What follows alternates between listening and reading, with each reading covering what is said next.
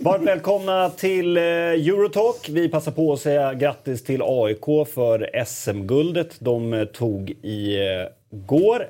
Grattis Martin. Tack. Du var på plats? Ja, Väl? Ja, absolut. Ja. Minne för livet för barnen faktiskt. Ja, de var med också? Ja, ja vad härligt. Alltså det, det, det, det är, jag har ju till de här supportrarna som liksom... Någonstans står man ju över om de vinner eller förlorar lite. Alltså det är ju något annat. Jag ser här nästan hellre AIK spela en fantastisk fotboll och komma tvåa än att spela en dödgrävd fotboll och vinna. Nästan, Bara nästan.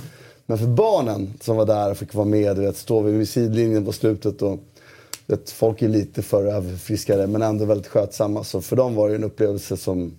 Det sånt där. Jag kommer ihåg när jag var på, på, på Hovet var det då. Eh, och såg AIK vinna SM-guld hockey, mm. 85. Och så Alltså den, det, liksom, det var ju länge en stark grej. Liksom. Mm. Så att det här kommer de komma ihåg. För dem var det nog ännu större än vad det är för mig. Liksom, någonstans. Mm. Fotbollen, jag satt i bilen och åkte hem, min fru körde. Satt och kollade Boca River, satt och kollade på mina... Det är nästa grej liksom. Mm. På igen. Mm, på igen. Ja, och grattis i efterskott. Tack. Mm. Eh, Marcelo här, eh, såg du också eh, Copa Libertadores-finalen? Jajamän. Eh, det var en av många matcher jag såg, så det var en eh, fullspäckad eh, söndag igår. Ja. ja, det har varit en helt galen helg. Ja, verkligen. Eh, och så Adam Nilsson tillbaka. Mm. Yes. Du, jag var inne på din blogg eh, och dammade av den, trodde jag. Exakt. Nej, det, var inte, det var inte så uppdaterat det. Nej, det har inte blivit så mycket skrivet. Säger väl rätt mycket om årets Bundesliga hittills. Kanske. Mm. Men du kan du vara missnöjd med när det, det som händer händer? Ja, men det är Bayern kul. faller Absolut. som en fura, då, då, då, är, det, är då är det fire away. Va? Absolut. Men sen just igår var det ett dåligt valt tillfälle när man satt och kollade på en match från Östersund och bara blev besviken över utfallet ändå. Mm. Så är det. Mm. Men fjärdeplats kan vara bra. Ja, exakt. Det är som sagt de människor som argumenterar för att en fjärdeplats är bättre än en tredjeplats vill jag skjuta i huvudet. Finns det någon som bara det har säger det? funnits folk i min närhet som har sagt att det är bra att sluta fyra så kan vi hoppas på att de andra tre lagen vinner kuppen. Så bara, vad fan är det för jävla logik? vi vill inte bara sluta trea från början. Ja. Så är vi liksom... Och vinna kuppen! Ja, nej, ja. Mm. Ja. Konstigt. Det är Hammarby-mentalitet kämpa, kämpa, kämpa med det argumentet. Mm. Ja. Men en fjärdeplats behöver inte vara dåligt. Bättre än vad jag trodde inför säsongen. Så är det. Christian, hur har helgen varit? Seger borta mot Cosenza. Mm. kryss mot Bull. Lecce med andra ord. Också, också kryss mot Vad ligger ni i tabellen? Förlåt? Vad ligger ni i tabellen? Trea. Mm. Trea alltså i, i, i det gulröda laget. Då. Mm. Arsenal ligger inte riktigt trea än. Men jag tar till mig att Arsenal... Mm. Wolves är inte dåligt lag. De förlorar ändå inte trots att det inte riktigt eh, flyter som det ska. Så det var bra. Ja. Jag är mest sur att jag inte hade rätt på den på tipset, för det, det där såg man ju liksom ändå komma. Ja, men tecknarna... Ja, och Wolverhampton är bra, svårspelade och de, mm. det sättet att spela... Mm. Mm. Ska vi ta det då? Om ja. när vi ändå är inne på det. Europatipset. Jag är också lite sur över just den matchen. Jag hade en 1-2 på den. Jag bara, det enda scenariot som kan, kan bli kryss, det är om de jagar hela vägen in och gör mål i slutet. Ja. Det är det enda. Alla andra scenarier så blir det 1 ja. eller 2. 10 på Noah, 9 på Martin, 9 på Gusten, Eh, sju på Christian, eh, får man säga. Ganska bra jobbat. Åtta på, på David. Då. Eh, ja, där... Eh, ja, ändå snyggt av Martin och Noah med krysset på Chelsea där faktiskt, tycker jag. Ja, men det... Ingen som tog Barcelona-Betis. Nej. Han har inte sett det. Alltså, det ska man ha väldigt stora system för att det kan täcka in ändå. Liksom. ja, det ska man, ju inte hända. Liksom. Nej, men man, det kan hända, men man måste ju spela liksom, otroligt stor plånbok för att spelare. För jag sa det att jag spelar ju ett större system. Jag hade ju 12 på det liksom. Eh, mm. Och föll på den. Därför det var en av de här matcherna jag måste, en här, jag måste välja bort några som jag inte garderar. Det är snyggt ändå att spara tecken på, på Manchester Derby tycker jag. Det, det tycker jag ändå är vågad etta där.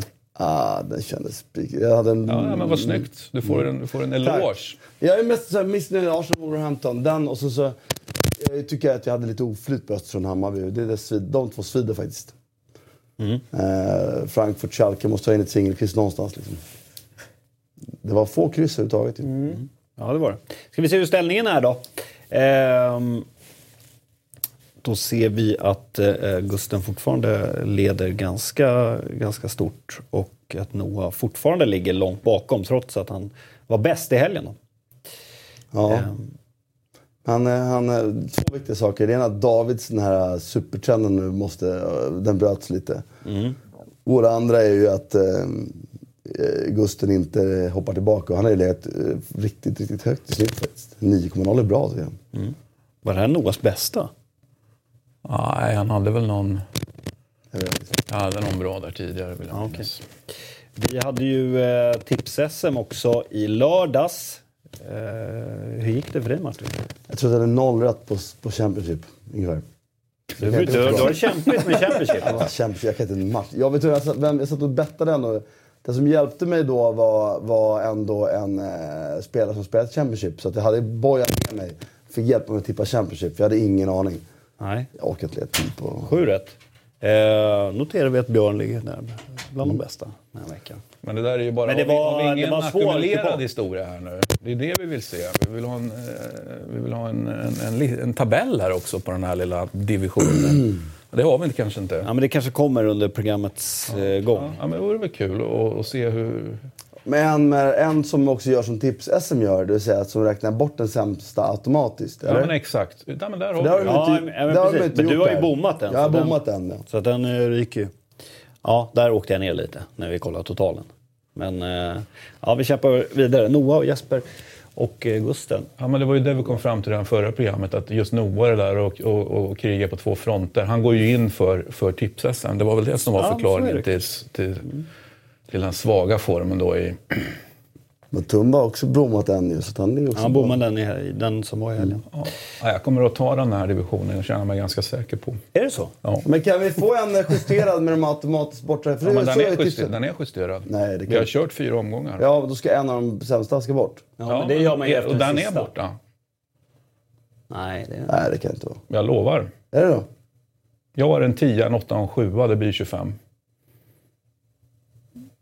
Vad hade du säm- sämst då? Trea. Den första, allra första.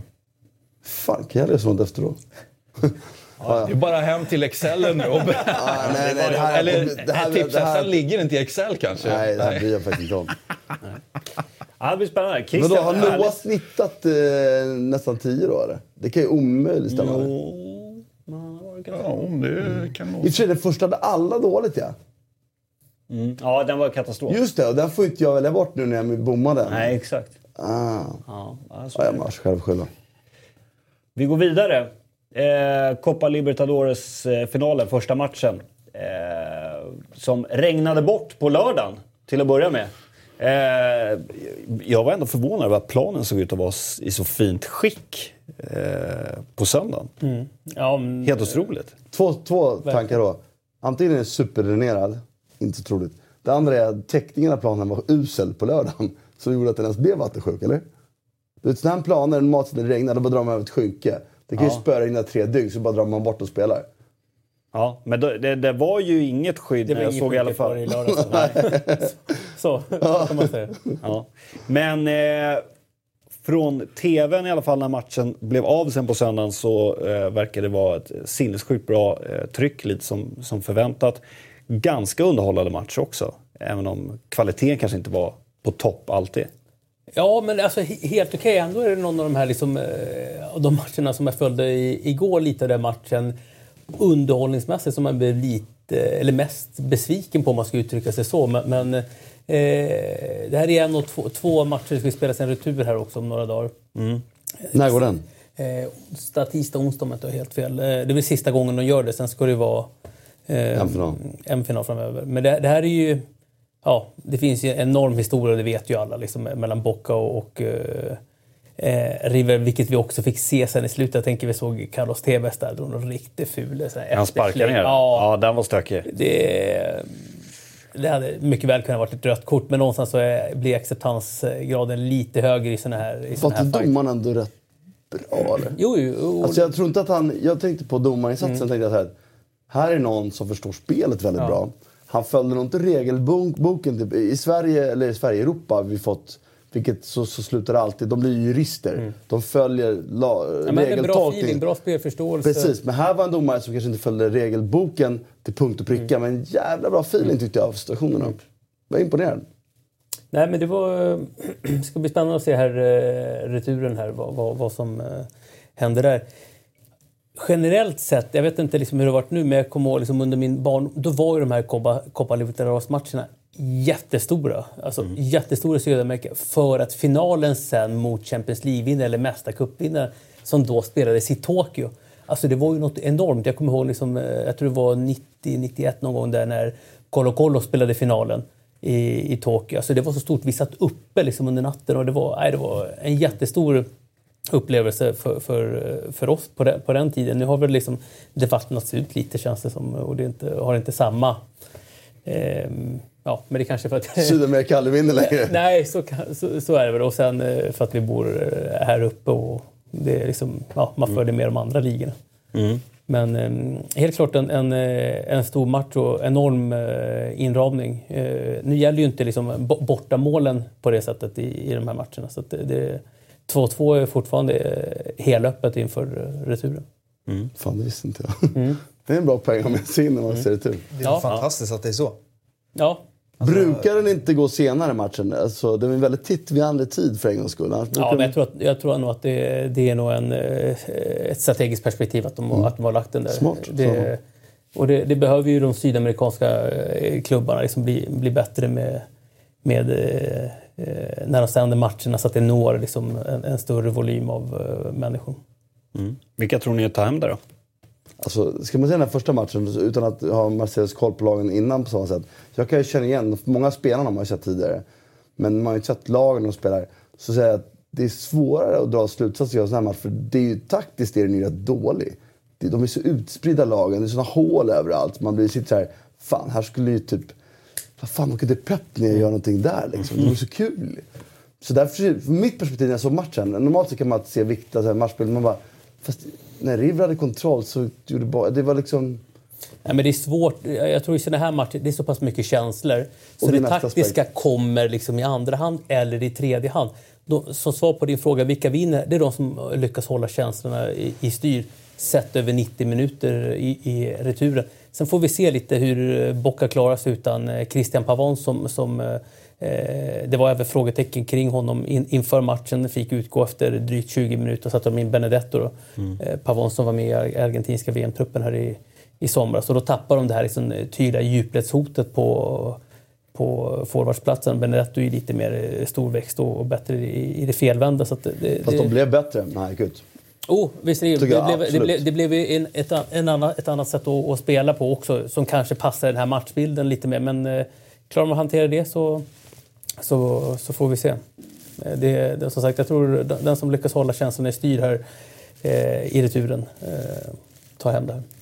Det var också härligt att se jag, när TV sitter och skrev in. Jag vet inte om ni såg det när han sitter med tränaren. Det var som att de pratade som ja, men typ polare. Lite Ja. Så att, ja, nu. Ja, det jag tänkte också. Det bara, ah, ja, men jag går in. Jag, jag kör. Jag fixar det. Och så hade han ju det där rykande skottet direkt. Ja. Sen blir jag ju glad när jag ser, jag har alltid älskat Tevez som spelare. Liksom, just för att han har den här argentinska, han kombinerar fint spel med det här, sen är jag inte vad han var, men han hade den där skottläget och kände man bara, suget.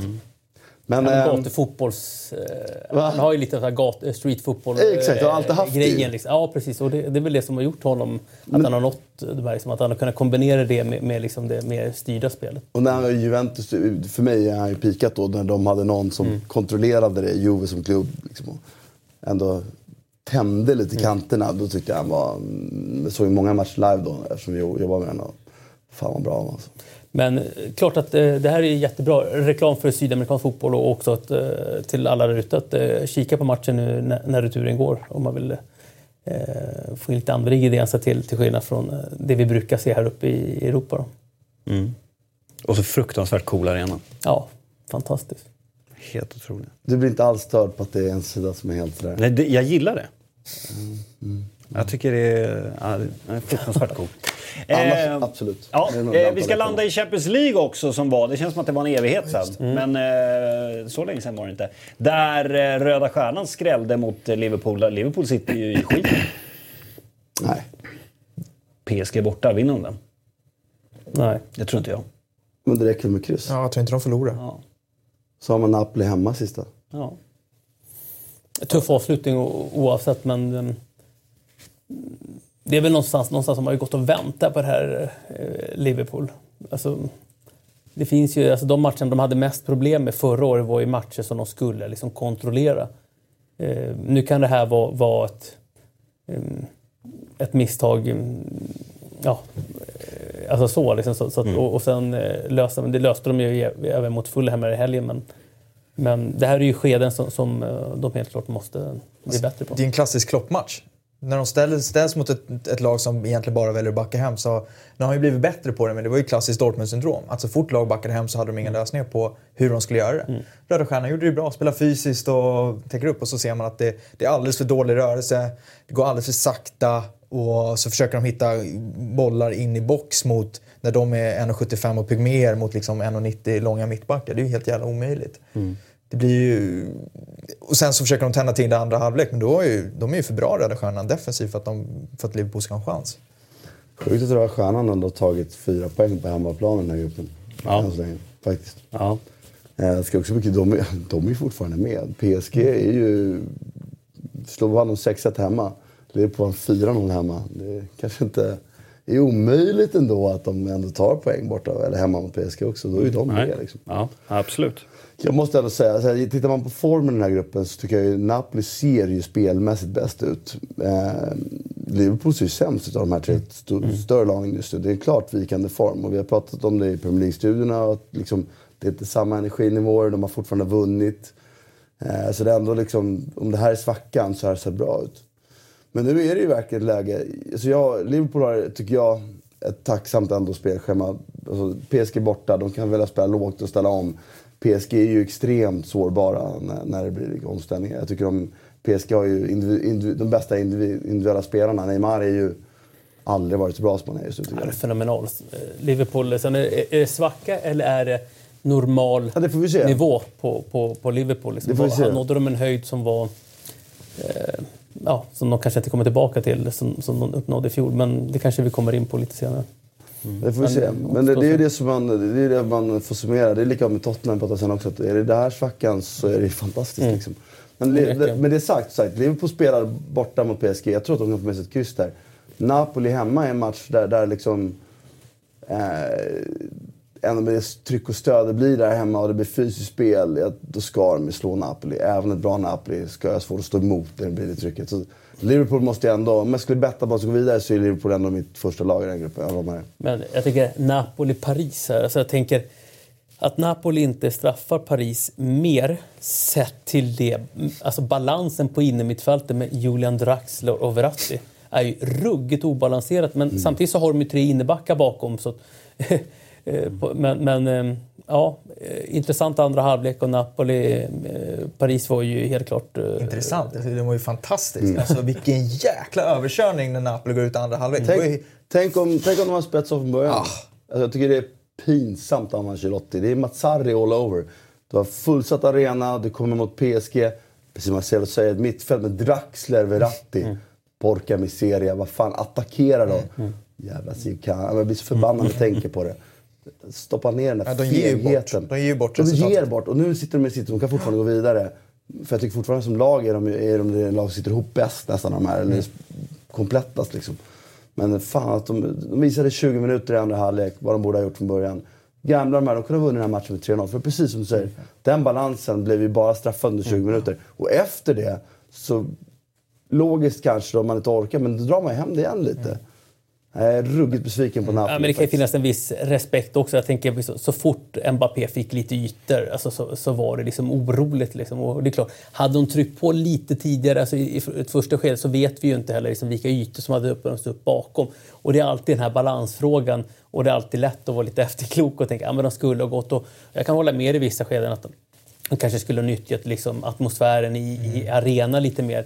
Men det finns alltid liksom, ja, hur hade det sett ut bakåt om Mbappé hade fått mer ytor? Ja, det, det vet vi ju inte. Liksom, men, men det, det är det är saker och ting man- måste ha med sig någonting, i alla fall när man, när Det är synd att de analyserar. inte prövade att straffa dem hårdare med, med det laget, Mm. absolut. Och, och eh, till skillnad från Liverpool, som Liverpool kan välja att dra hem, för Liverpool har ett utpräglat omställningsspel. Mm. Eh, och då kan man ex- exponera dem på ett annat sätt. Napoli är inte dåliga omställningar, tvärtom. Men de är också bra när de får det här trycket. Tycker också Insigne i den här fria rollen. Jag menar, vi har ju sett honom prova sig i den rollen flera gånger som nummer 10. Det har aldrig funkat tidigare. Och nu har han nått en mognadsgrad i sitt spel. Jag tycker. Och andra halvlek var ju inte i 10 positionen han var som bäst. Utan han drog sig ur den här gamla positionen lite ut till vänster. Det var tre eller fyra superinspel liksom, där man bara kände att det här vill jag se oftare. Vi har väl två omgångar här som kommer här framöver som eh, kommer bli ruggigt intressant. Den gruppen eh, är superintressant. Röda Stjärnan kryssar borta mot Napoli, vinner hemma mot PSG. Så går de vidare. Vidare. Ja, Ja, det hade varit något.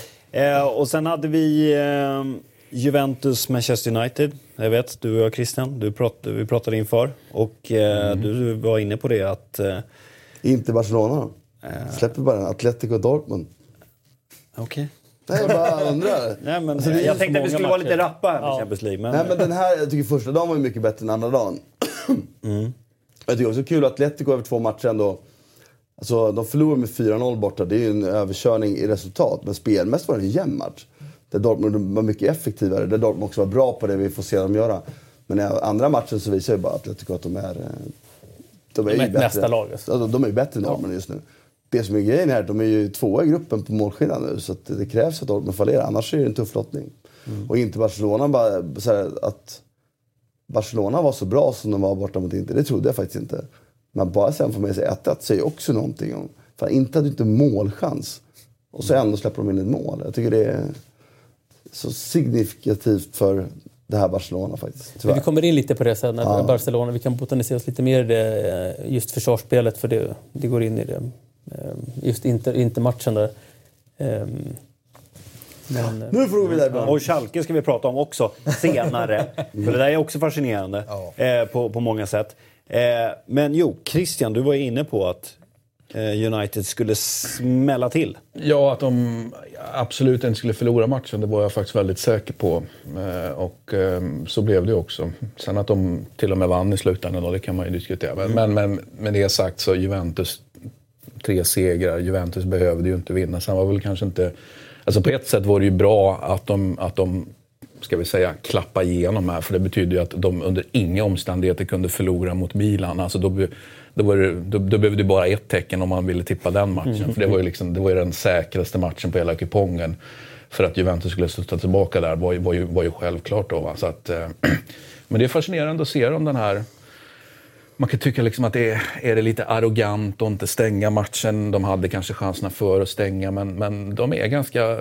De är ju Juventus och de är ju, är ju obekymrade i det här att där många andra är bekymrade och tycker att ah, men, ah, men det, är, det är nog viktigt att göra ett mål till för att, för att verkligen vara säker. Men Juventus bryr sig inte om sånt. Och det kan jag tycka är otroligt... Eh, jag kan älska det faktiskt. Men... Eh, och 99 De gånger av hade ju 100... bra lägen att Ja, jo, visst hade de det.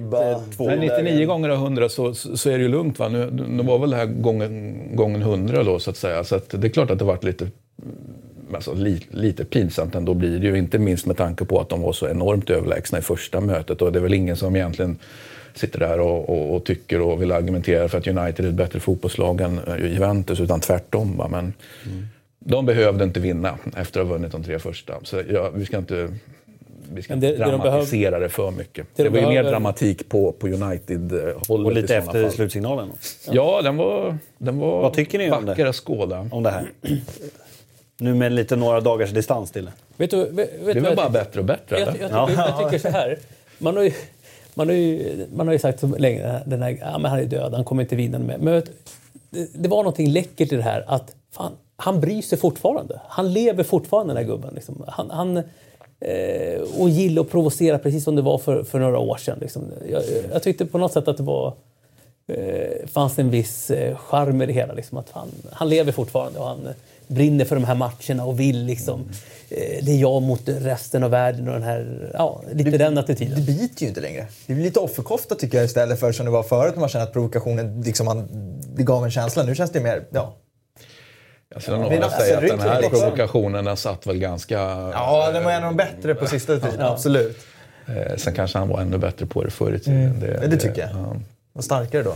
Alltså det bet ju på motståndarfansen men det får inte, han får Ja, den, bet, den bet ju även på motståndarspelarna. Ska vi också, det, Ja, det var för ju inte så att de inte brydde sig om det För att där. slutföra resonemanget bara, men runt om i världen förr tyckte man ju när han började göra de här grejerna, tyckte, för det är väl det du är ute Ja. efter, tyckte man ju fan vad skönt med någon. Nu har det blivit nästan lite så här barnslig istället. Så här, man bara, att du orka orkar bry alltså, fan fokusera. Och jag kan ju då personligen bara säga att fan se till att jobba med spelet istället för att hålla på med och, och försöka provocera motståndarsupportrar. Det verkar liksom Fast det här, är ju, det, här, det här är ju en grej att hans stolthet har ju, alltså, den har ju naggats. Liksom. Alltså, det, det, den, den har ju fått sig en törn och då måste han gå ut och känna Ja, och det tycker jag är ett Alltså, fel här, eh, fokus när man har ett så icke-fungerande liksom, spel. möjligt. Det är det men, som har men poäng. det är ganska typiskt den här liksom, portugisiska arrogansen som ändå finns i den. Men jag måste bara säga angående matchen så tycker jag Chiellinis intervju efteråt var...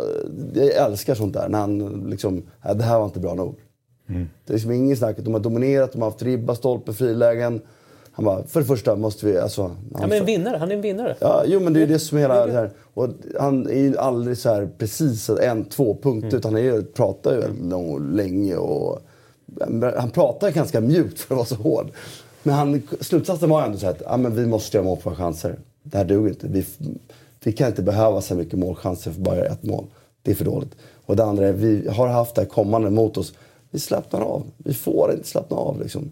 Vi ska inte släppa in ett mål. Mot, så, så, så. Alltså, Jag bara älskar den. Liksom.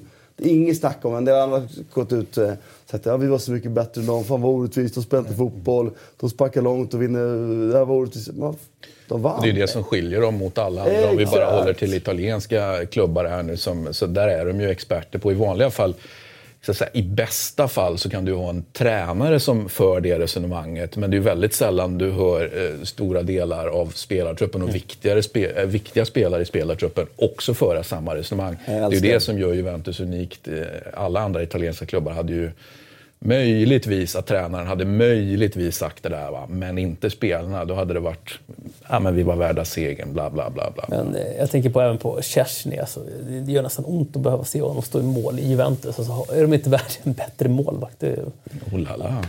det, Och så straffräddade han. Eller var det en straffmiss kanske? Fast nu hoppar jag in i ligaspelet här märkte jag. Ja.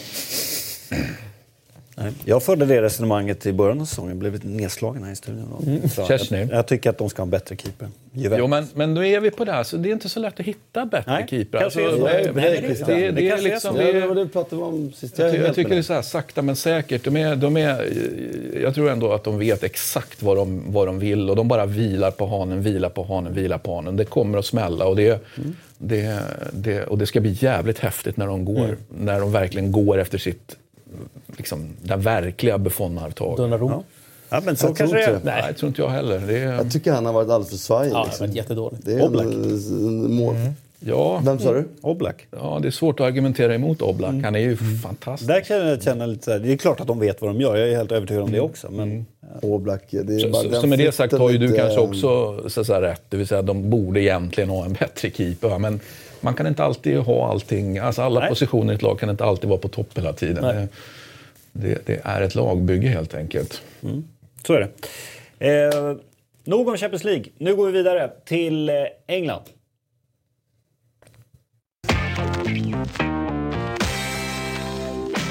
Ja, den är mm, okej. Okej volym. Det är okej. Du vill ha lite mer tryck? Ja, Jag vill ha tryck. Ja. Kan inte vara så svårt tänker jag då. Det var att någon skruvar på mig. Vi kanske fixar det till eh, när vi går vidare. Se- A. 90-tal. Ja, precis.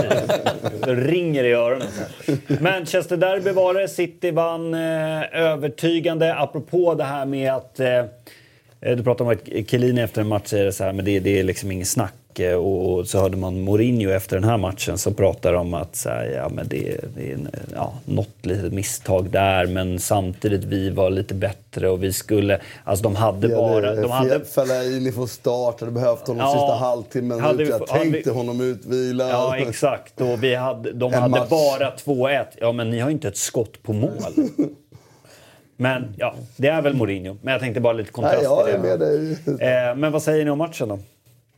Att det var skönt att City vann, det säger jag punkt. Därför att, eh, jag varför är det skönt? Därför att jag tycker att eh, City är ett så mycket bättre fotbollslag. Jag tycker att Uniteds sätt att spela just nu, att de karvar ut resultat i och för sig imponerade, men de förtjänar inte de resultat de har fått spelmässigt, som jag ser på det. Alltså ser jag att det är skönt att ett bättre fotbollslag får vinna. Jag måste säga, jag älskar det, det uttrycket att karva ut ett resultat. Saker och ting liksom är inte optimalt Nej. på något sätt, men man karvar ut resultat. Jag måste bara säga, jag bara älskar det. Vi Absolut. borde använda det uttrycket mycket mer. Och, För det är det och de hylla de som karvar ut Och de resultat. som gör det till en spelidé och lyckas med det konstant, absolut. Men eh, och sen tycker jag ju eh, att, att också då, mm, jag hade ju singelettan här och argumenterade ganska hårt för att City aldrig skulle tappa det här. Eh, för att Guardiola hatar Mourinho. Eh, det är jag rätt säker på. Han hatar allt han står för spelmässigt, arrogans och det. Så för honom var det en viktig match att vinna. Eh, och jag tycker ju att matchen i veckan, de skulle ha fått stryk den också. Och jag tycker ju att det vore bra för United om Mourinho försvann. Eller jag är övertygad om det. Ja. Men tror du att han gör det nu? Ja, men varje förlust kommer han Under närmare. säsong är väl inte att rekommendera ett tränarbyte, va? Eller? Om man har en tränare som är skadlig för verksamheten, vilket jag tycker att Mourinho är. Det är hårda ord. Men jag är ingen fan av Mourinho. Jag tycker att det han stod för en gång i tiden var bra. Men det tiden har sprungit ifrån honom.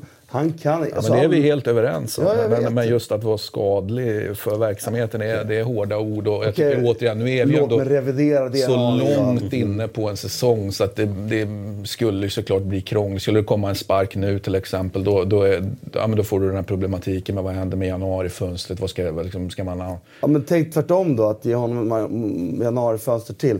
Du riskerar att tappa spelare som faktiskt är användbara på riktigt för att de inte trivs i systemet. Jag vet inte. Eh, och du riskerar att dessutom värva andra spelare som inte är... Jag tror att det värsta som kunde hända för United var att de har en ganska bra svit nu in i januarifönstret. Så Mourinho får lite mandat igen. Plockar några spelare han vill ha. Eh, lägger ut några miljarder till. Och, och så står man där i sommar, så, sommar så har den blivit femma. Och så har de inte fått eh, utväxling på de här spelarna. Och står med ännu mindre pengar, eller ännu mer pengar spenderade och ännu längre ifrån. Men jag vill ju ha United som en topplag. Liksom. Jag ser inte det ske.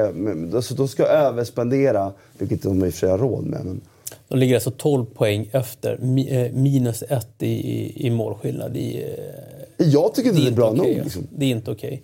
Eh, man kan ju titta på, på den här matchen. För det första så måste man ju beundras lite av, av City och sättet hur de spelar och sättet hur Pep och liksom, alltså faktiskt höjt spelarna. Höjt spelarna och, och liksom hur han faktiskt cementerat den där liksom innebacksduon med Stones och eh, Laporte. Som, eh, Laporte var ju riktigt, riktigt bra. vad bra han Ri- var ute. Ja, och att han inte ens är med i franska landslaget i häpnadsveckan. Det- Där, där Kan han bli spansk? Vad sa du? Kan han bli spansk? Eh, nej, alltså... Ja, Bask. Ja, bask. Lä- vi lämnar det osagt. Jag vet faktiskt inte om han har... Men eh, sättet hur han spelar fotboll och liksom hur City spelar, eh, fenomenalt. Sen är det visserligen, tycker jag, liksom två individuella misstag där spelarna inte är tillräckligt skarpa i United som gör att två målen kommer till. Det ena är faktiskt eh, Victor Nilsson Lindelöf, där han vänder liksom 180 grader Fel håll. åt fel håll. mål. Åt fe, precis, åt fel håll. Alltså, du får ju inte liksom, han har ju ryggen mot honom. Och, nej, men, alltså, det, det, och det gör att han hamnar kanske någon sekund efter och gör att Agüero får det här lilla extra för att skjuta. Och Agüero innanför straffområdet, han är letal. Jag behöver inte ens ha en sekund. Nej. Nej. Och det andra är, det andra är eh, när... när eh, vad heter han? Eh, på- Ja, men jag tänker på tolvan där. Eh, tappar jag bort namnet där. Småling. Eh, Småling. När han tar en diagonallöpning i försvarsspel, följer sin spelare. Matic kommer ner, kommer ner bredvid Nilsson Lindelöf. Men tittar inte bakom. Tittar, tittar inte bakom. Och det är det som är själva grunden med att spela Lille med Gundogan kan... Ja, den har ju Och liksom- skett så många gånger då med Ja. Matic också. Att han kliver ner i backlinjen och egentligen bara förstör genom att vara där. För att han tar inte sin gubbe sen. Det ja, men du behöver inte ens ta din gubbe, du behöver liksom orientera dig och se till att backa. din yta. Ja, Skydda ytan. Du behöver, inte det, det är ingen markeringsspel de sysslar med. Men det är anledningen till att du spelar med en sexa. För Mm. att innebackarna ska kunna ta löpningar ut bakom ytterbackarna för att sexan ska droppa ner så att Mm. du inte tappar numerära ö- överläget in i boxen. Och när de väl gör det, men han är inte tillräckligt, han är inte tillräckligt skarp. Och sen något annat som man kan sakna med, med, eh, eller i själva spelet i United, jag tänker på när, när Mourinho var i Barcelona så hade han ju den här. Liksom. Alltså, det, det var världens bästa kontringslag på den tiden. Inte ens det har de. De har spelartyperna för det. Men de har inte liksom det här omställningsspelet som, som jag Du tycker de menar att han var i Real Madrid? Vad sa du? Sa du I? Real. Mm, han var i Real, ja. Ja, vad sa jag? Barca. Ja, förlåt. förlåt. Jag är i Real Madrid. Förlåt. Ja, men då hade han ju som, som med Ronaldo, Di Maria och Öster liksom ett fenomenalt omställningsspel. Det har de inte riktigt här heller, men jag tycker i en sån här match ska vi faktiskt eh, lyfta sättet City faktiskt spelar på. Hur de liksom hur de bryter, hur de bryter ner lagen. Liksom, det spelar ingen roll hur, vilken, taktisk disposition de använder utan de nöter och nöter. Man, man kan se vissa sekvenser under matchen när de går upp på ena sidan, de kommer inte igenom. Okej, tillbaka, ut på ena kanten och sätter yttern en mot en. Går inte det igen, gå in centralt, gå ut på ena kanten tills de hittar de här genombrotten och kan sätta sina spelare en mot en. Det är liksom det är fenomenalt och, det och, så tittar, och så tänker man att vi måste köpa, köpa spelare. Det är många som säger. Det här är spelare som faktiskt utvecklas under, under eh, Guardiola. Fernandinho, eh, Silva. Silva. De Bruyne och så vidare. Som, Agüero. Ja, det är många. Agüero, Men som det har for- fortfarande utvecklats mycket under... köpta. Jo, jo, men Alltså, det är fortfarande, jo, det är det fortfarande ett hantverk Absolut. som han har gjort. Exakt. Det har han. Från Det Pellegrinis. Han nivå så har han lyft dem Han har fått rätt mycket pengar för att göra det också. Ja, ja, han har adderat till laget, precis. Så Men, att det, men nettospenderingen är ju inte större i United. Eller liksom nej, United har ju ju bevisligen Men det- Då är det det- den häftiga grejen också, även om han har haft mycket pengar, det har vi pratat om tidigare. Han har ju gjort kanske överraskande val. Dels valt att förstärka på överraskande positioner och med överraskande, alltså eh, spelare som kanske inte har varit självklara för oss vanliga dödliga. Han är ju odödlig, Guardiola, så är det ju. Eh, Så att han har gjort häftigt även, även med sina Alltså, det är stora pengar Tänk menar jag. han skulle kunna göra Så han har ju coola val. Det är bara att kolla vad han har lämnat. val. Vad har hänt med Bayern München sen Guardiola lämnat? Det har ju liksom, han var ju i Bayern München och det kommer en dag när han lämnar City så kommer han ju säkert ha exakt samma känsla efter 3-4 år. Att det, han verkar otroligt svår att ersätta och få liknande resultat, Jag tyck- alltså kvalitet av, det, av de spelare man gör, har. Jag, tycker, jag, tycker, jag tycker Guardiola, vi ska njuta av honom och hans fotboll så mycket det går. Ja, för att han kommer lägga av tidigare än vad vi tror. Det, det är min... Han det är lägga jag av nu enligt sig Ja, själv. men jag- jag han tror att- 10 år på han- världstoppen. Han kommer lägga av tidigare än vad vi tror. Kommer, det kommer inte komma någon. Och, Jag vill att han går till Serie A också. åtminstone. Ja, Ja, jag det borde är- intresse av. Han är Ja, nog lite faktiskt. sugen på Italien. Eller jag tror han är mycket sugen på det innan han lägger av. Så, såklart till Napoli om jag får välja. Men det hade varit kul att se honom i typ Roma också. han kommer erövra dem oavsett... eh, Men därför ska, han ju, oavsett, därför ska han ju inte eh, vara i typ. Juventus. Vill man inte se honom i. Roma är ju det självklara valet känner jag lite grann. där. Om man, har, om man har den feelingen också som han, Och verk, Monchi. som han verkar ha med... Ja, jag tänker inte på Monchi, jag tänker med Franco Baldini. Man, man, man kommer ihåg de här Mm. när, när, när Franco Baldini var inne när, andra gången så att säga i Roma så var det helt fantastiskt att höra de här eh, som, som ju Franco Baldini berättar då, hur samtalen hade gått. Det vill säga ett, han, han berättade att ah, men jag har faktiskt, vi har suttit ner, jag har träff, vi har träffats och så vidare.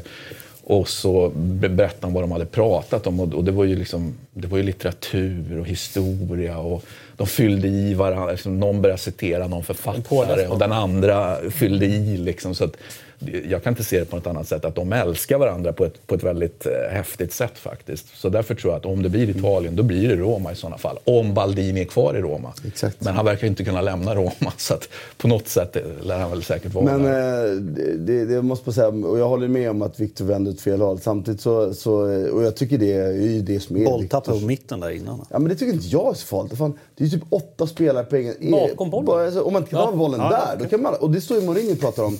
Det får mig också säga att fan, kan man inte bara bollen i ett sånt läge, då kan man ju inte spela fotboll. Nej. Fan, då, ska, då kan du ju bara skicka den och så, då är det ju noll risk. Då är vi tillbaka på, på som jag lärde mig spela fotboll på 90-talet. Liksom. När man skällde på mittfältet, var bollen, man bara fan... Har vi fem spelare bakom kan man inte. Här är det åtta bakom bollen. Så det bolltappet tycker jag är trams att prata om om jag ska vara ärlig. Men däremot så, och jag tycker Viktors positionsproblem, han har blivit bättre men han har ju fortfarande de här små, små nyanserna. Typ som att han vänder ett fel, lite, lite sen men fattar att det kan spelas bakom honom. Typ till Ronaldo, när de gör drömmålet. Men det straffas ju bara när man möter de här absolut bästa spelarna. För att om någon annan spelar än Agüero har bollen i läget i straffområdet och kanske till och med Agüero, för man kan ju argumentera för att det sker ändå ska ta den. Tycker jag. Det är en rätt dålig vinkel ändå. Liksom. Men om någon annan har där så är det fortfarande inte farligt riktigt. Så att han blir lite, I den här veckan gör han ju två positionsmissar och blir är, Brutalt. alltså brutalt ja. bestraffad för det. Liksom. Det är Ronaldo två Bonucci. världens bästa anfallare han möter inom loppet av fyra dagar. Men, och Och de gör ju också världsklass, för de kan ju också sämre några gånger. Men det är också, det är också att se liksom att vi har ändå en mittback som, som spelar de här matcherna. Jag tänker det vi i Sverige. Och lite, liksom en, en liten kvalitetshöjning från honom liksom kommande två, tre åren. Så, så Och jag tror att den kommer med en bättre tränare i ett annat spel. Jag skulle vilja bättre se... tränare, men också en bättre, en bättre mittbackskollega. Och Ja. Bailly är inte den, Smalling är inte den, Jones är inte den. Godin, Ja, men det vore ju kul att se dem i en annan typ av fotboll då, tycker jag också lite. Ja. Och det kanske kommer automatiskt då bättre back, mittback. Men jag tycker också att han är, alltså... Fatta att ha överbryggat det jävla motståndet som har funnits honom. Han har ju inte gjort det till fullo än. För gör han ett misstag kommer han fortfarande Mm. bli uthängd. Men det är imponerande. Så, och jag vill verkligen i det här läget skydda honom lite. För jag tycker att misstaget är... Det finns där för att han vänder sig faktiskt åt fel håll och för sent uppfattar att det kan gå bakom. Mm. Men därifrån är också... Alltså, fan, dels tycker jag att det är Gea ska ta den. Och det andra är att det är ett jävla... Det är ett sjukt avslut. Som Bonuccis pass till Ronaldo. Det är, det är liksom... Som, ibland får man bara liksom, ja men fan. De här är bäst Ja. liksom. Så det är lite vill jag ändå skydda honom där. Ja, det håller jag med. Eh, vi går vidare. Ska vi säga något om Arsenal Wolves eh, 1-1? Jag tycker att det såg eh, lite... Be- ja, jag blev lite bekymrad när jag såg eh, Arsenal faktiskt. Men det kanske man kan tillåta ibland.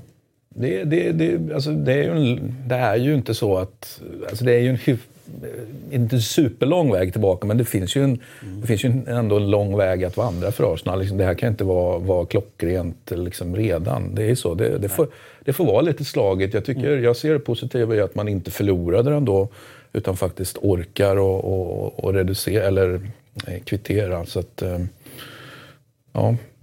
Ja, Det finns det, det är liksom ingen dramatik. Nej. Serien är lång. Men ett, alltså målet som de gör där, Xhaka. Eh, han tar ju tar inte ens emot den, han släpper bara förbi den. Och sen tänker jag på en annan spelare som vi har pratat om här förut, Adama Traoré. Alltså herregud vilken spets han har. Alltså hur snabb är han? Han har ju en eller två lägen att punktera matchen, men han är ju så... Han är otro- bäst i Fifa säger min son. Ja, men han är ju så otroligt dålig Han är avslutare. snabbast, jag måste ha Ja, ja. han, ja, herregud. Han hade ju några, var det, 4-5 meter till, till eh, Chambers där och sen sprintade han förbi honom. Det var ju... Så o-Barcelona-spelare som finns inte. Du vet, Xavi, Iniesta, Busquets, långsamma. Här har en spjutspets Han utan teknik. Men jag måste säga att, att jag tycker att Wolverhampton också lag eh, som jag har problem. Tänk om de fick dit en riktigt bra nia, en riktigt bra målskydd. För de spelar faktiskt jävligt bra tycker jag många matcher och får dålig utdelning. Och det, med det sagt, så dels tycker jag att det inte är helt ologiskt att, att Arsenal ser dåliga ut mot dem. Det ena. Det andra är det inte helt ologiskt att de inte förlorar heller för att de, Wolverhampton kan ju inte avgöra matcher riktigt. Men jag håller med dig Christian om att det är ändå starkt. Alltså, någonstans, det fanns ju lägen att göra mer för Arsenal på slutet också. Liksom. Så att även i en match där man jag tycker de egentligen inte förtjänade, eller Wolverhampton var bättre. Så, Så karvar de ut ett oavgjort resultat. Fast de karvade kanske inte riktigt. De, Nej, men, eh, Emery- någon, någon satt med kniv i alla fall. Ja, men Emery behöver nog eh, ett- ett, eller två transferfönster den. till tror jag för att och, och sätta det här helt och hållet och få, eh, få det här att liksom, flyga helt och hållet. Det, det, fortfar- finns fortfarande en hel del dödkött som måste, som måste bort härifrån. Ja. Ehm, Jag håller med. Och, det, och det är det vi har transferfönster till. Ja, precis. Så att, ehm, I plural. Ja, i plural. Det är precis, det, det, det, det ska ta, det får ta tid liksom. Det, det, det är lugnt. Det Lagbyggen tar tid. Förlåt? Lagbyggen tar Ja, lagbyggen tar tid. Precis som vi pratade om med målvakten tidigare. Liksom, alltså, du, att gå in och ha ett helt optimerat, det är liksom hur många har helt optimerade startelvor om man, om man, om man tänker efter. Ja, möjligtvis Pep då som tycker, Eh, och, och ena anledningen till att han har det är ju för att han tänker så olikt precis alla andra. För ingen annan hade satt ihop samma startelva som Pep sätter ihop. Va? Men, men han är väl kanske den enda tränaren i världen som har en optimal startelva. Ingen annan har ju det. Mm. nej, fast han, han ändrar sig ganska ofta. Ju.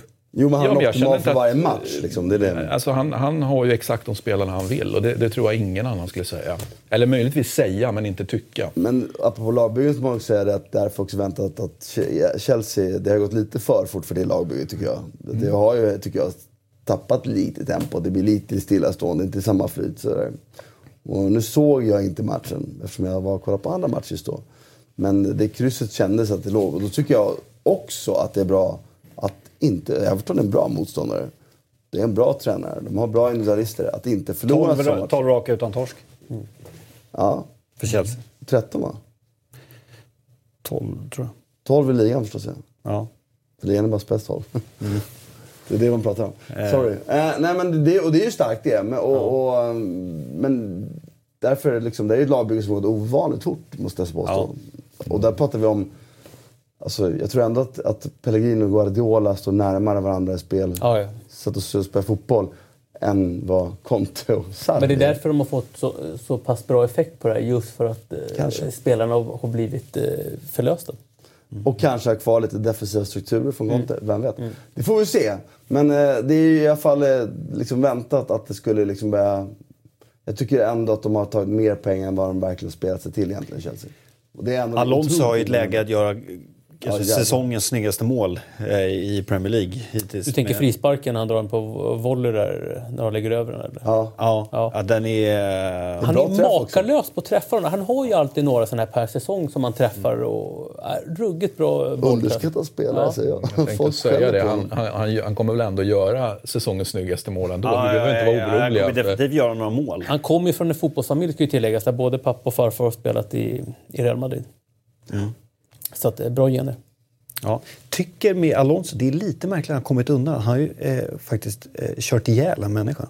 Och eh, det har inte pratats så mycket om det. har ingen aning. Nej, inte jag heller. Men, Så det är riktigt. Nej, alltså, Det, det, gjorde- det gjorde ju Klöivert också här, men- på sin tid. Va? ja. Så att, ja, alltså, men jag tycker att det är lite märkligt. Vad hände? Och han klarade liksom, ja, som man gör när man har mycket pengar i rättegång, liksom, man betalar familjen och sen liksom... Uff. Det Nej, skötte han det där. Det, det, jag tycker att det borde pratas mer om det. Fy fan. Ja. Lämna på den bomben då. Ja. Men Nu jag tycker så här, det kan vara lite mindre England idag för vi har ganska mycket Italien, Spanien och eh, Tyskland. Tyskland att prata om. Ska vi prata om PSG också? Det är jämnt i ligan där ju. Seriefinalen var jämn. Ja, det var det. Stackars Henri. Ja, jävlar. det är, alltså, antingen så klarar han av att simma på djupvatten eller så... Alltså, det, det, jag, det finns inget... Jag tycker, Är det så du gjorde med dina barn? Antingen klarar de att simma eller så sjunker Ja, men alltså, det är inget synd om Henri här, utan det, jag tycker det, det, det är lugnt. Jag tror han sitter lugn i båten också faktiskt. Har vi vatten? Jag är lite Jo, det har vi. Vi går vidare till Italien. Men det är djupt vatten. Där vi hade ju Milan-Juventus. Eh, Ska vi eh, börja med, med slutet där? Iguain tog ett rött kort. eh, Och var ju riktigt förbannad på domaren. Förklarade sig sen. eh, Bad om ursäkt sen. Bad om och ursäkt där. och sa jag är en känslomänniska, jag är ingen robot. Men jag ber om ursäkt, jag skulle inte ha gjort, jag skulle inte betett mig sådär. Nej, och framförallt kan man väl börja med, alltså, om, vi, om vi tar bort de grejerna, sätt straffen istället så, så behöver vi kanske inte hamna i den här situationen. Det, nu har han alltså bränt 6 av 18 straffar om jag är rätt underrättad i Italien. Det betyder att han sätter 2 av 3. Inte, inte optimalt. Och Kessie om man är sätter 70 100 100. Missade den även i Copa America-finalen mot Chile. Exakt. Han, han syndar inte bara i klubblag utan även, även. Så att jag menar, det, det, då kan man ju verkligen fundera på om han ska vara mm, straffskytt här. Och jag kan tycka att eh, vi- det finns ju faktiskt ett track record här som Gattuso jag kan inte tänka mig att han inte är medveten om Han måste vara medveten. Det är liksom tjänstefel att inte vara medveten om det. Men, och, och ändå, då kan jag tycka att det blir tjänstefel när han ändå väljer att utse honom när det finns en, ett sånt här oroväckande mönster. Då. Ja, det gäller att vara stark som tränare. För det är såklart att han vill slå en sån straff mot Juventus Ja, och det är klart han vill. Det gäller att vara Och stark. Men Vi har dyraste- Kessie som har satt alla sina straffar han slagit. Låt honom skjuta liksom. Nej, det var onödigt av dem. Med det sagt så hade de inte haft någon chans ändå i min värld. Va? Men, men just den här grejen är klantigt av, av, av Higuain. Det, det, måste, det går inte att komma fram till Men någonting jag annat. Då också- skämmer han ut sig och så blir han avstängd och, eh, såklart nu i en Med match. två eller- gula, så det blir bara en då eller? Ja, men det blir en i alla fall, vilket ju, vilket ju är lite... Onödigt. Ja, men onödigt. Det känns lite nästan... Jag känner, det känns nästan fegt faktiskt. Ja, snackar alltså, han fattar ju vad som ska hända. Men så här, Sätter jag- han sitt lag i skiten? Jag bara säga så här, jag... Eller alltså, jag tycker med att det är- kommande jag avstängning tyck- sätter han ja, ja. Jag tycker ju att det här är absolut är, är förkastligt att göra sådär. Jag tycker sånt här borde böter. Men min bild när jag var där nere och spelade, i- visserligen i andra ligan då, men ändå, det var att den här typen av känsloyttringar, det slog man absolut inte ner på. Utan det var ju tvärtom. Jag var med om liknande, Lanzaro. Vi hade en match, vi ledde med 2-1, de fick 2-2 på slutet. Eh, för att han, en tuff straff, felaktigt förmodligen, till och med kanske utanför och Lazar var inblandad. Och hans reaktion då efteråt, det var ändå så 10 minuter kvar, vi var bättre liksom. Han, vet, fick, så, domaren gav rött, direkt rött till slut, för han sparkade på saker. Och efteråt var det ingen jävel som pratade om att han var dum i huvudet som gjorde det. Alla pratade om den jävla dumman som blåste den jävla straffen. Jag bara, fan, vi är tio minuter kvar att vinna matchen på. Alltså, du vet, då är man ju tysk-svensk eller vad fan det är nu. Liksom, vad fan, men det, var... Det var ingen som sa det. Men är ju han också en, en hög profilspelare på det sätt som väcker känslor. Det är ju möjligt att domaren kanske tycker att och, och, och, kanske publiken tycker att det är lite extra uppseendeväckande och då bestraffas lite hårdare än om det varit en vanlig dödlig som hade snedtänt.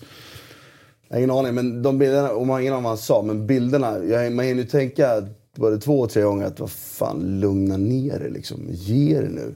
Det är inte så att han slutar, det är inte första gången, andra, det är fan tredje gången han bara du vet, skäller så här liksom. Du fick ett gult kort innan. Liksom, tror du att du är helt immun eller? Mm. Det är inte så att man liksom får ett gult kort, nu är det frizon till, till tio minuter för nästa. Jag tycker är, men min bild är ju att, att eh, man faktiskt tyvärr då, i många länder tittar man, apropå det, Men är det inte så? Är det River Bocca. Då knuffades man bara, är ni idioter? Det där är ju rött kort ju. Det var ju ingen som pratade om det. Där är det bara det är tillåtet ja, att vara sådär helt. Men är det så, ju... säg så här då, han, han, söker utvisningen. Han vill ha den. Nej, han är argentinare som är, lever sig. Och så här, jag är ju inte... I Sverige så får du ju typ inte göra så här mot domaren, då är det gult kort. Menar, det är ju andra änden, det måste finnas en mellanväg. Men jag kan fatta att domarna inte tycker att det är helt okej okay, när man ställer så här nära och skriker jäv... För det kan jag gissa att han sa. Hur jävla dum i huvudet dålig han var som domare som jag inte såg. Eh, och inte bara en utan tre gånger. Liksom. Mm. Då kan jag fatta, där är en sådan roll. Eller då i Bocca, där faktiskt, tyckte, han gav inte ens kort för det. Nej. De bara knuffade varandra. Jag bara, där är ju direkt rött liksom. Mm. Men det, alltså det, det, finns ju, man måste ju tänka, det finns ju så otroligt mycket känslor i Wayne i den här matchen. Alltså du, du kommer till eh, Juventus som eh, den stora nian. Liksom. Alltså du, du ska liksom vinna Scudetto, du ska vinna Champions League. Du blir undanknuffad när de tar in Ronaldo alltså undanknuffad. Mm. Och enorm besvikelse att han egentligen innan, eller hans agent, pappa, säger att ah, men det, Higuain vill ju spela med Ronaldo. Det, det, det här ser han fram emot. Blir undanknuffad, kommer ner dit, missar straffen och till slut så, så rinner det över. Där kan man också tycka att, mm. som, som, vi var inne på här, att eh, där måste man vara lite coolare och, och, kanske att han inte skulle ha slagit straffen utan att man kanske ska ha någon annan. Eh, men mer på grund av liksom känslomässiga eh, skäl att det är för mycket liksom, revansch i det hela och då, och då går det över liksom, taktiska och andra tekniska liksom, aspekter i spelet. Eh, eh för att eh, här var han ju riktigt, riktigt eh, frustrerad. Mm. Jag, säga att jag tycker det var fint att se en del Juve-spelare, eller flera Chiellini, Matuidi, mm. några som var framme liksom, och lugnade ner honom. Alltså, vet, mm. Det var något mänskligt fint över det. Liksom. För att alla vi förstår exakt vad det är han känner. Jag mm. kanske inte är riktigt lika känslosam som han är. Men jag förstår ju vad han känner. Så det är inte det. Det är inte det jag vänder mot. Mm. Att det bubblar upp. Det är kontrollen, bristen på kontroll som man vänder sig mot. Liksom. Men annars är det ju en match mellan en, en storklubb och en klubb som vill vara en storklubb. Så, så kändes det som. Det, det kändes som att Juventus på det här sättet att eh, det var ja. kattens lek med råttan. Ja, exakt så. Exakt så. Ska, ska vi liksom höja volymknappen? Alltså. Eller ska vi liksom... Torreira, my ass. Bentancourt är den bästa 96an i Uruguay, eller? och samma mittfält i landslaget. Och bra kombination. Tanigatan. Och Bentancourt ser faktiskt riktigt bra ut. Ja, bra. ja, men det är ingen fara. Nej, men, mm. eh, nej, men lite så. Ju, Juventus, eh, de skruvar på det när de vill och så skruvar de ner det när de vill och så bjuder de in eh, Eh, Milan och sen eh, blottar de sig i nästa skede och så, så höjer man. Sen är ju det här taktiska valet tycker jag som, som eh, Allegri gör när han, när han spelar med eh, Mandzukic. För att det är de här taktiska grejerna i matchen som jag tycker är spännande. För det första när han spelar med Mandzukic på ena kanten så vet man att det kommer alltid komma överlånga inlägg och då kommer han alltid vara ett huvud längre eller två längre än sin vänsterback för ytterbacken är oftast korta. Sen kan man se lite i andra halvlek hur han vrider och vänder för att eh, Milan börjar med ett 4-4-2. De börjar med Castillejo och Higuain. Sen tvingas de flytta ner Castillejo för att tappa nummer på inne mittfältet. Vad händer då? Då droppar de, då droppar de Dybala, flyttar in ytterna och då har de fyra mot tre på mitten. Vilket gjorde att Milan kom aldrig åt dem. De kom aldrig åt dem. Och just de här taktiska delarna, Allegri återigen, det, det, det är en mästare de har där på, på, på bänken. Ja, och Bonucci fick sitta på mm. bänken. Det var ju spännande. Han var ju inte helt nöjd med det, kan man ju konstatera. Han var en stark tränare som stod emot sin mm. spelares vilja. Ja, exakt. Och som, och som bestämmer mm. i omklädningsrummet. Mycket bra, mycket bra Allegri är ju mycket bra helt enkelt. Ja. Det var en ganska snygg inramning också.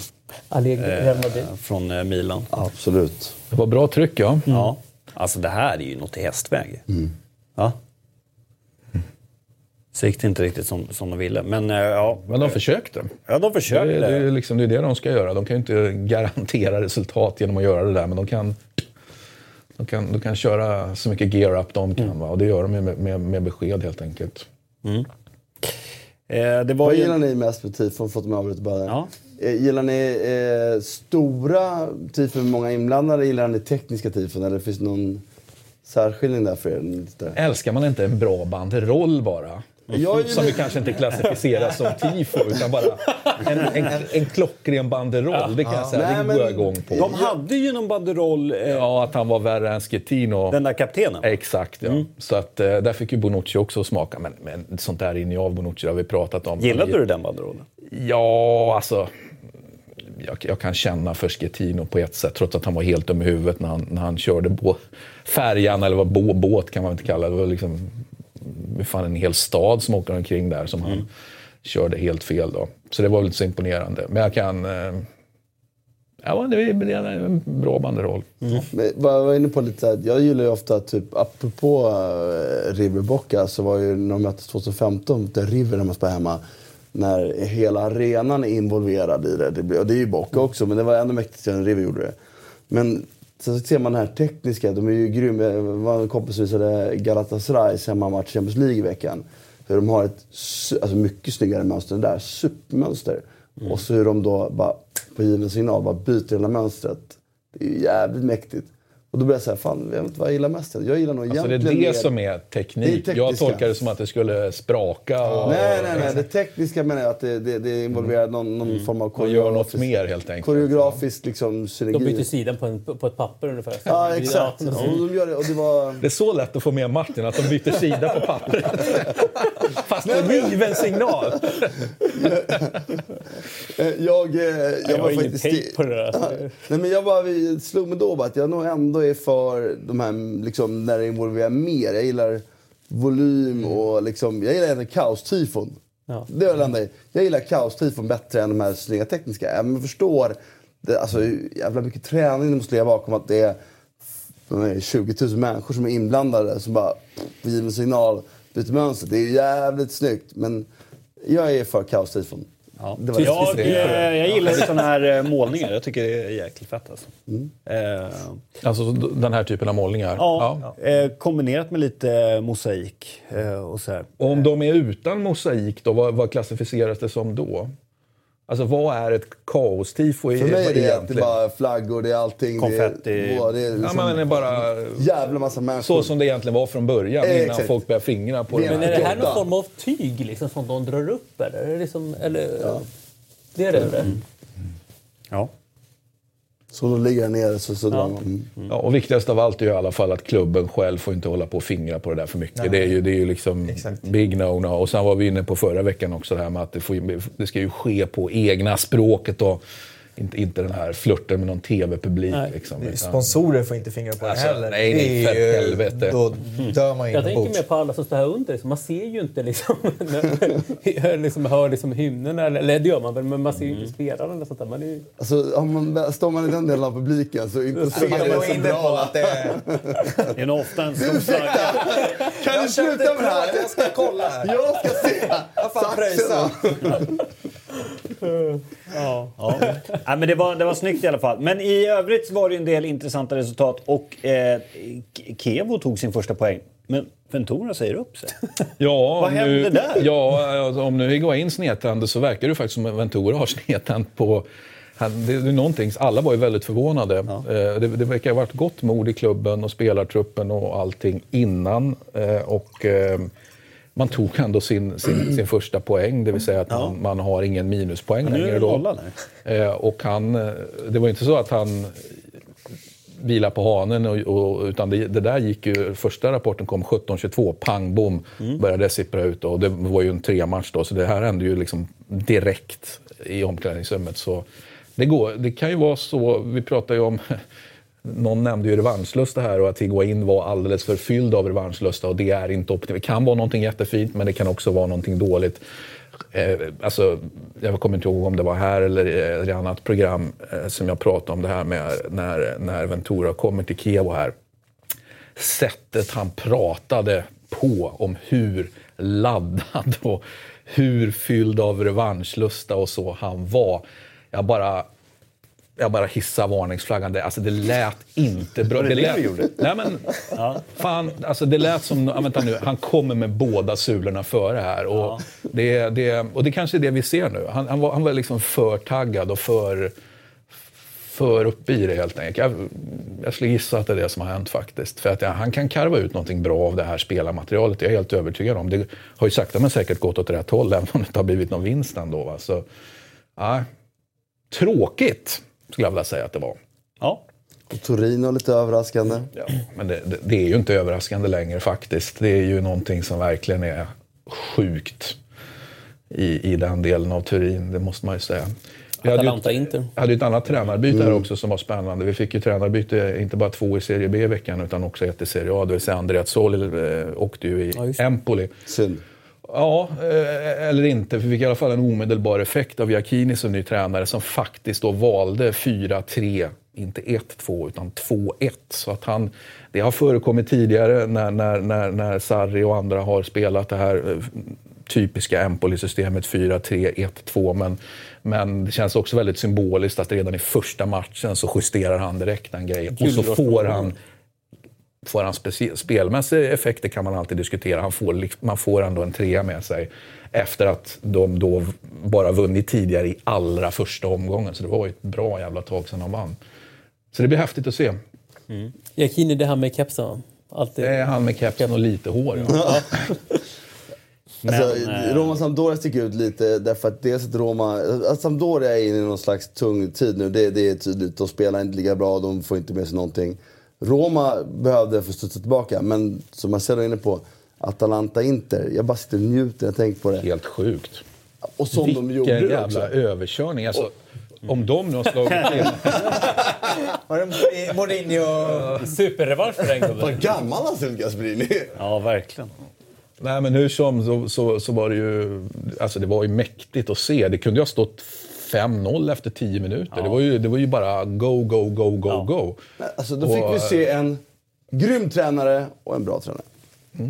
Det där är en grym tränare. Ja, men det där är en grym han är en tränare. grym jävla tränare. Så Förtjänar någon- någonting mer. Ja, men någonstans vill vi se. Han har ju faktiskt eh, fått lagen. Inter en gång. Alltså, vi skulle fan? vilja se honom en gång till i något Ja, riktigt bra han lag. fick ju aldrig Inter. Nej. Han fick tre omgångar Ja, på sig. underbart var kort då. Ja, man fick ju aldrig chansen ens att jobba med det. Liksom. Fan, det var ju patetiskt gjort. Liksom. Men är ni storlagstränare tror du? Det vet vi Det är inte. väl det som är tveksamt ändå. Spelmässigt men- är det absolut det. För han spelar fotboll för förra Ja, ja, ja. matcher. Så det grejer han. Så det är mer frågan om ledarskapet då. Det vet vi inte. Men, Men han menar, ju... om de fortsätter att spela så här, vilket nu känns det ju som att den här poletten har trillat ner. Så känner jag i alla fall. Att de har hittat det här efter att ha varit lite Ja, men det har varit lite jobbigt när de spelar i Europa och det här och det, det hackar lite och de chanserna försvann, kom men de satt inte. Men nu är det fyra raka tror jag, eller om det är fem raka, fyra raka tror jag det är. Så att om de, alltså nu, de kommer ju kvalificera sig för Europa igen. Jag kan inte se det på något annat sätt.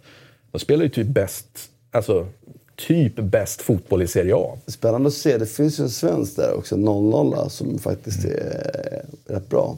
Som då potentiellt sett, om han då får chansen att vara med och träna, vilket jag tror att han får. Om jag då, min tes om Han Gasperini. med på bänken någon match också. Ja, vara. Eh, vad heter han? Dejan? Kosolewski. Ja. Så att han har ju verkligen hamnat på ett härligt ställe om han vill förkovra sig. Precis, det var det jag menar. Liksom, någonstans så kanske det centrala när man är 18 bast är inte att spela Serie A-matcher. Utan det är kanske viktigare att spela färre matcher och få träna riktigt bra med någon som utbildar dig. De har ju en jättebra akademi. Eh, Atalanta har fått fram många, många bra spelare. Så är det. Mm. Och eftersom också då Gasperinis bakgrund är ju ändå... Akademitränare. Precis, han var ju fantastisk i det Juventus. Det är ju många Marquisio till Paladino. Det glömmer man bort faktiskt. Så det är ju en tränare som alltid har varit bra med. med. Så att, eh, spännande i alla fall. Och jag tyckte, jag, jag har gärna Inter som ett topplag. Men jag, tycker, jag kan inte bli att tycka att det är roligt när... eh, Jag, ty, jag tycker mycket bättre om Gasperini än Spalletti. Att, Han, Men man får, förvänt- han, får lite revansch på dem så blir lite glad. Ja, men man, man förväntade ju sig också, eller jag gjorde i alla fall det under matchen, även om det såg ut som det gjorde så förväntade jag mig till exempel efter att ha haft ett break i, i halvtid och så vidare att, att Inter ändå ska kunna komma ut och Ja, men i min, min värld faktiskt vända den här matchen. Stänga till i alla fall, blödning. Om man är, men, men det fortsätter ju bara och, och det, var ju en, det var ju en sån jävla asfalt. Det, det var nog mest åka av hittills under säsongen faktiskt. En sjuk match att titta på. Får, så får jag välja någon så skulle jag gärna ta Gasperini till Napoli till exempel. Det kanske är Mm. Ja, det var ju mycket steg. prat om det, att han var... Att han... Det är så, Gas så jag, ingen, jag, jag, jag gillar. Ancelotti. Ancelotti är ett jättebra val. Men jag ser inte Ancelotti som ett val han sitter om tre år. Liksom. Utan det är det här året, nästa år eh, max. Och då skulle jag jättegärna ha in Gasperini. Ja, det är svårt att se Gianpaolo i alla fall. För man, man säger så här, om en tränare har den här... Vi berömmer honom ju ofta och han, och han har de här... jag- alltså Vi pratar ju ofta om sjok. Liksom. Jag vet inte om han är en sjoktränare, men, för han kanske inte har lika långa sjok som andra sjoktränare. Men när han har haft sitt det här framgångssjoket och går in i förlusterna, då är han ju... Det är ju helt otroligt, han, kan inte, han klarar inte av att bara ta en supersmäll, utan bara boom, boom, boom.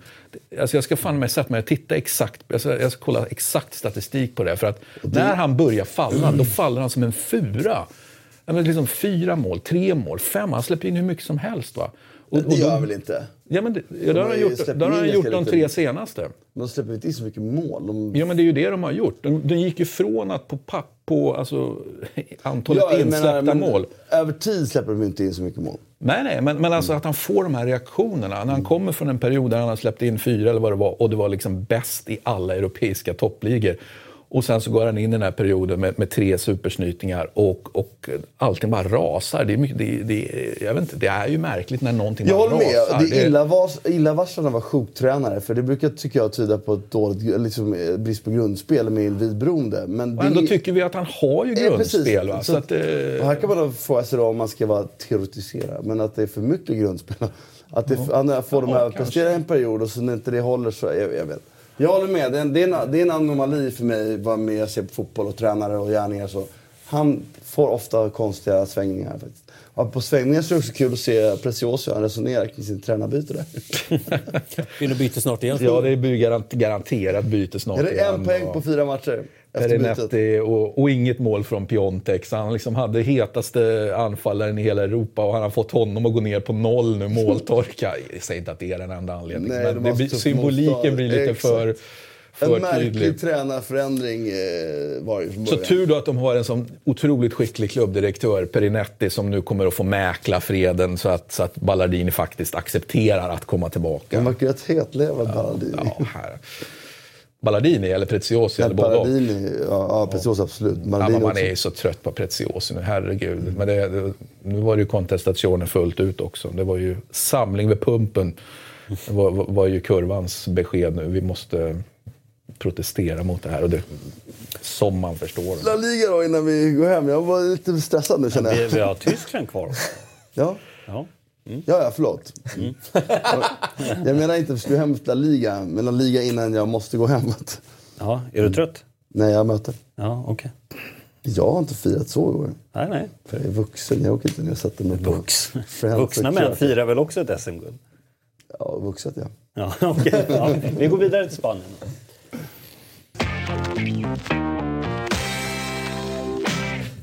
Ja, var ska vi börja någonstans Marcel? Det händer my- mycket här också. Ska vi, ska vi ta eh, Barcelona då, som vi var inne på lite tidigare? Eh, första gången någonsin Barcelona förlorar en match där Messi har gjort två mål. Eh, senast Barcelona släppte in fyra mål hemma i ligan var april 2003 mot Deportivo. It's always a first. Så är det. Nej, men man jag tycker eh, det finns en eh, kulturgrej i Barcelona för tillfället som, som splittrar laget. Du har spelarna som... Eh, man kan se det i vissa skeden av matcherna. För att nu släpper de, in, de är väldigt ihåliga, men man ser att spelarna i många skeden vill framåt. Alltså i försvarsspelet, pressa högt. Medan Valverde har rent historiskt sett och hela hans tränargärning varit eh, en tränare som har hellre tagit hem laget och jobbat mer på omställning. Det vill säga man har en tränare som inte passar in i Barcelona Barcelona-DNA. Eh, och det, det är ett problem som de har eh, för tillfället. Och sen individuellt så, så gör man en hel del misstag också. Men, men de, han behöver rätta till balansen eh, i det här laget. Och eh, jag satt och tänkte igår när jag såg den här matchen, Kiki Setien. Han har ju, det är ju Spaniens Mauricio Sarri. Han ska till Barcelona, ja. Ja, han har ju Barca-DNA. Intressant. Eh, intressant i den här matchen tycker jag att man använde sig av samma metoder som Guardiola jobbade med Betis då. Eh, så när Guardiola var i Barcelona, hela tiden med ge nummer till motståndarna. Man spelar med fyra stycken på innermittfältet, två balans, två tior mot Barcelonas trea. Eh, vilket innebar att Rakitic behövde komma in för Messi låg liksom och, och vilade i försvarsspelet. Vilket ju, gjorde att yttrarna, vingarna, hela tiden hamnade en mot en mot sina yttrar. Eh, och så kunde man fylla på i, i boxen vid, vid inspel. Eh, men den här, han, han eh, gör någonting väldigt, väldigt bra. Barcelona hade jättestora problem. Blev givetvis, eller blev, blev mycket bättre när Arturo Vidal fick komma in i, i halvtid som jag tycker Lite färgad kanske, men, men han, måste, han måste in i startelvan. Och inte för Artur, utan för Rakitic. Det, det är min eh, take. Sen... ehm, Eller spela med bara två. Spela, droppa den när Coutinho inte med. Varför ska man spela med dem? ja, spela auto på, på Messi- kanten, tänker du? Eller nej, nej, diamanten på fältet? diamanten. Ja. Messi, Ja, varför inte? Det, det är inte heller... Eh, men sen är det ju roligt fan att se Joaquin, var 1.36-37 och, och, få- och få, få måla. Är han inte äldre? Det känns, det 1.37. känns, man väntar mig en högre siffra. Ja. Men det finns en spelare i, förutom att William var, var riktigt bra, Äntligen! jättebra. Men Eller det förlåt, finns inte en, den här matchen men... Nej, men det finns en spelare i, i, i Betis, Giovanni Lo Celso, som dikterar tempot i den här matchen. Det där är en spelare som Barcelona måste hålla ett öga på. Eh, och ska, det här är en spelare som återigen som var, var bäst på plan igår. Fick inte göra en minut för Argentina i somras. Blev bortskyfflad av PSG. Och nu liksom i ett, i ett eh, mittenlag i, i, i Spanien. Och, Och du menar hålla ett öga på i det här fallet att de ska försöka ta honom? Ja. ja. Ja, Tänk, det men vadå, Kicksetien kan ju inte lyckas någon annanstans än Barcelona. Vi kan ju vända på det. Det sätt att spela. Nej men det sätt att spela så måste han ha de bästa spelarna som ska vinna. De spelar ju... Ja, för att vinna titlar? Ja, ska han vinna ja. någonting så måste han, måste han vara... Han kan ju inte vinna med Atletico Madrid liksom. laget. Jag gillar den Nej. taken lite grann som vi pratade Ja. om eh, senast här. Alltså besvikelsen över, över Setien. Att han, det- att han, att han liksom inte riktigt klarar av. samma Han sak. måste är ha ju ett fucking Barcelona jävla spelarmaterial. liksom. Nej, han- jag vill han- byta Valverde nu om jag kan. Mot... Ja, men det gör de ju inte. Barca Nej, har ju bytt liksom en, en tränare mitt under säsongen sen, sen de bytte van Gaal mot eh, Radomir Antic. Och det här var Det var bra för sig. bra många år sedan, liksom början på... på 2003? Ja, något sånt där sekelskifte. Eller?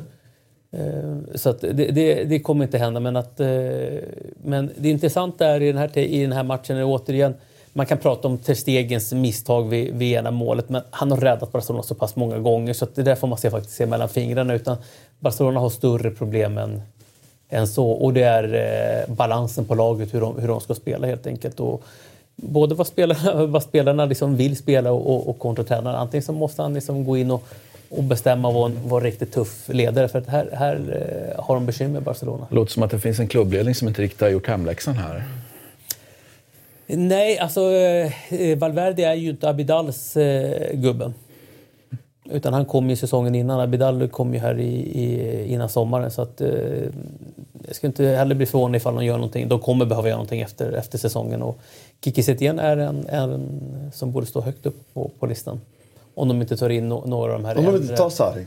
Vad sa du? Om de inte tar Sarri. Ja, men jag vet inte. Nej, men Sarri behöver nog något år till i, i, i eh, italienska tränare i Spanien också. Behöv, eh, behöver eller kommer. Det är skillnad. För han kommer ju stanna Ja. jag. Ja, Vadå, jag ser så många klubbar. Jag tittar på PSG i veckan. De behöver också plocka en sån tränare.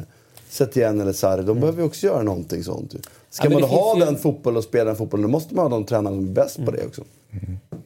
Det, nej men det, det är om de inte plockar in eh, Oscar Garcia eller Arteta eller eh, Xavi för den delen. Det beror på lite hur, vilken, vilken väg de väljer att, väljer att gå här. Men jätteintressant återigen eh, Betes och hur de tar sig an det. Det här är ändå ett Betes som inte har fått, eh, inte haft utdelning alls i, i det offensiva spelet. Och Nu smackar man dit med, med fyra kassa på, på Camp Nou. Kan man argumentera för att det är jävligt onödigt att göra fyra på Barca och, och inte göra mål i de här andra? Då hade man ju haft något mer antal Poäng. poäng, onekligen. Men det finns ju liksom, alltså det, det svåra i det här, det svåra i det här och, och det som skaver i mig som, gillar, som älskar fotboll, liksom spansk fotboll och, och kan tänka mig skaver hos Barcelona-supporter, det är att Valverde liksom innan match, eller efter matchen säger att men vi visste att vi inte skulle kunna kontrollera den här matchen. Och att säga så som Barcelona-tränare, Det finns ju det, inte. det finns inte. Det är fel. Liksom. Alltså, bara det är ett tecken på att han måste väck efter säsongen. tidigare. Jag ser gärna att de plockar upp Oscar Garcia under säsongen. Det, det finns interimslösningar där. Ju tidigare desto bättre, Ja, men han är jag. inte i klubben. Oscar Garcia. Är inte kvar? Nej, nej. Då tar in honom ändå då. Lös det För bara. att det är åtta poäng från 12 till ettan. Det är också... Ja. I en tid när man bara pratar om att toppen drar ifrån. Jag, jag, jag tror att det här inte heller är ett resultat av att det är jämna, utan det är lite cykliska tendenser också. Så att det, Vad sa du? Sy- cykliska tendenser. Att, Cykliska, att det liksom inte följer bara liksom, utan man får ett utfall ibland. Och det här är ett, eh, ett unikt år. Vi pratar om Betis nu. Vad Fan, Vinner de tre raka så är de fan ta mig med upp i toppen ändå. Liksom. Nej, men du har ju liksom Alaves, Espanyol, Valladolid. Det, det är ju de lagen som sticker. Valladolid som är nykomlingar. Eh, och då vill man ju tänka, man kommer Ronaldo punga upp lite pengar där så att de eh, får in en anfallare som kan eh, göra lite mål. Han sitter ju som ägare. rätt häftigt att se 9-9 i målskillnad, Ja. kan jag tycka. Det är mäktigt. Eh, annars var det ju Sevilla-Espanyol 2-1. Eh, match mellan två spännande spanska tränare vet jag att du tycker Marcelo. Ja, men det tycker jag. Maskin och, eh, och eh, Robe, Robe eh, som har varit liksom runt i olika spanska klubbar men, liksom inte fått, fått utveckling. Var med och spelade upp Huesca och sen nu Espanyol. Espanyol som för övrigt har, har tre egna liksom, producerade talanger, eller spelare liksom, i truppen. Mark Roca, balansspelare. Eh, Melendo, Oscar Melendo och eh, Darder som har varit iväg i, i Lyon och sen är, är tillbaka här. Jättespännande spelare. Det är också en fin akademi. Jättefin akademi i Espanyol och eh, eh, sen är det roligt att se återigen Sevilla, liksom, de fortsätter och det där är mer liksom, de, de byter sportchef, de byter tränare men det finns någonting i den där klubben att, eh, och efter som det de har gjort i Uefa-cupen eh, Eh, och allting. Liksom, vi är här för att stanna. Det, liksom, det spelar ingen roll vad vi byter, det finns någonting innanför väggarna numera. Att vi, vi, vi är en topp 6-klubb och ehm, och gör det bra. Det här var ju, eh, Espanyol var riktigt bra i första halvlek. I andra halvlek kom Sevilla och liksom förlöste lite ungefär som eh, vi pratade om Napoli tidigare i, i andra halvlek mot PSG. Liksom, och bara kör, kör, kör, kör. Och, eh, man försöker med vissa kontrollerade byten få in lite mer bollskickliga, liksom mer balans i laget i Espanyol men, men eh, rådde inte på det. Sevilla var riktigt, riktigt bra i andra halvlek. Jag satt ju med en helgardering på den här matchen. Jag var ensam om på Europatipset av oss som tävlar. Jag satt ju och njöt i halvtid. Ja. Nej, men det här är en match som, som, tyvärr hamnar lite i skymundan med tanke på de matcherna vi hade under, under eh, gårdagen. Men en eh, riktigt bra spansk eh, La Liga-match, öppen och många bra tekniska moment under matchen. Så att, eh, de spelare jag nämnde, Mark Rocca och Oscar Melendo, det, det är två spelare att hålla, hålla ett öga på. Eh, så förhoppningsvis kommer med i spanska landslaget här eh, framöver. Och eh, Solari tog eh, sin fjärde raka vinst i Real Madrid. Benzema, två mål. Ramos Ja. med en Panenka-straff. Ja. Livet leker. Otroligt kyligt. Ja, alltså jag tror att de håller på att spela fast honom, eh, Solari. Den där, han kommer nog eh, bli kvar. Jag tror att... Jag skrev det här inför att men, eh, han har haft den bästa starten som en Real Madrid-tränare har haft på 116 år om jag inte missminner mig helt fel. Eh, och då har de bara spelat fyra matcher ska tilläggas. Eh, från en ganska, ja, ska man säga, medioker spelare, liksom, eh, mellanmjölkspelare till Får vi se. Och även en ganska... Joker. Ja, Han var jävligt bra. Nej. Alltså, han var ju aldrig... Var, var han, eh, Han var aldrig helt ordinarie Han var ju aldrig Madrid, helt ordinarie. Men när han spelade en hel del och han gjorde en del betydande avgörande saker. visserligen, men han var ju inte... I Real Madrid som han var han ju allt. inte nummer ett. Liksom. Det, det, det var han ju inte. Nej, han var spelade 12-13 i världens Ja. bästa lag. Ändå är det bra. Medioker kanske är ett starkt ord, men, eh, men ändå inte. Ja, man drog ju åt det hållet ändå. Det- Jag är med Marcelo här faktiskt. Jag, jag, Ja, det- det Det var hård terminologi kan jag tycka. Ja, jag tycker det var en ibland får det vara svart och vitt. Nej, men han var en fantastisk spelare, men han var inte världsklass. Nej. Och är man inte världsklass, då är är man man... medioker. Jag köper inte riktigt den Nej, men det behöver du inte göra. Det att inte tycka göra. vad du kan. Men det är intressant. Alltså, någonting han har så är det ju tydligt ett bra ledarskap och så har han liksom den sydamerikanska, argentinska liksom, liksom, vi, vi, vi kör. Liksom. Han hade ju fått med sig alltså, Han som spelare, jag bara tänkte, han var ju, han var ju för statisk. Liksom. Det kändes som att han hade... eh, Om han dribblade, det kändes som att dribblingarna var intränade. Jag, jag kände aldrig något flow när han spelade fotboll faktiskt. Jag älskar hans vickningar med vänsterfoten. Och... Ja, han hade ju några kantspelare. Han hade ju Men eh, Real kommer fortsätta köra med Solari.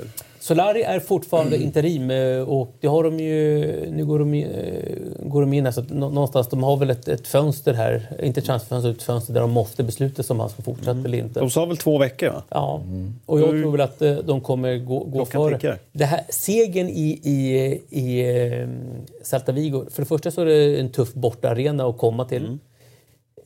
Som segern såg ut, att de efter 70 minuter behöver Celta Vigo som spelar riktigt, riktigt tufft. Tre spelare som behöver utgå skadade. Region, Casemiro och Nacho. Alla på grund av liksom tuffa dueller. Det viktigaste här är den moraliska segern. Alltså jag tror att Real Madrid kan vända nu. Det, man avslutar alltså matchen med Javi Sanchez från eh, Castilla som inneback. Lucas Vasquez som vänsterback. Ceballos som balansspelare. Som vi Vilken mål han gjorde då! Ja. Vem då? Ceballos? Ja, Ceballos. Fy fan vad snyggt Jag tänkte, det mer var. på, jag tänkte mer på högerbackens eh, Majos där eh, mål. Ja, Som var tycker jag ju jäkligt fan eh, Ceballos snyggare. Eller Benzema för den delen också. Ja, men det var många, många fina. Men där, det är det här, så jag tror, moralhöjande seger. Spelet har inte sett jättebra det behöver inte, Det är inte det de behövde för tillfället. De behövde vinna matcher. Och det är det han har lyckats med. Och sättet de vann med i helgen är, eh, säger mig någonting att Real Madrid kan bli att räkna med här i, i vår i Champions League. Det är det väl ingen som tvivlar på? Eller? Nej, men alltså, hade det fortsatt under Lopetegui, de behövde ju någon form av förändring. Det vet vi ju inte hur den... Eh, det kan vi bara spekulera i. Men, men nu har de ju till fått den här, den här twisten och sättet de vinner på med, eh, med de spelarna som jag var inne på är, är någonting som, som kan höja dem. Och intressanta val han har gjort också tycker jag. Att, eh, Antonin Ceballos i år när Casemiro går ut men också att eh, Asensio plockar bort Asensio. Eh, spelar med Lucas Vasquez, eh, tydligare bredd på, på kanterna. Eh, och Ordiziola på, på högerbacken. Så att, eh, en moralseger för Real Madrid som gör att de kan eh, steppa upp. Nu, Adam. Nu ska vi snacka lite Tyskland.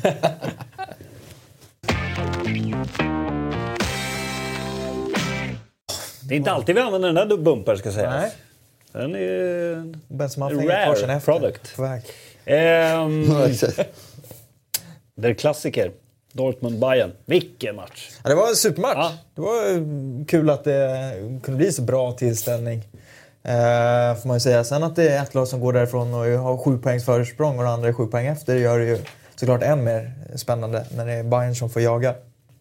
Men det var ju en fantastisk match och framförallt så eh, tyckte jag det var intressant att se Bayerns eh, enorma frenesi när de hade bestämt sig liksom första 25-30 att nu ska vi bara ut och bara köra, köra, köra, köra. Och ändå så är det någonstans Dortmund som skapar riktigt, riktigt farliga lägen. Eh, och jag vet att Lucien Favre sa efter, efter matchen att om vi bara kunde överleva den här inledningen, för så de kan inte hålla det här liksom, i 90 minuter. Alltså det, det är omöjligt liksom. Så kommer det börja, då kommer det börja visa sig vad Bayerns problem är och de är så vansinnigt många just nu. Så att, eh, det, det, det talar ju... Det var en match som verkligen talar till hur, hur tabellen nu ser ut. Och det är ett Bayern München som går in i en landslagsvila med så enormt många frågetecken eh, kring allting i föreningen just nu.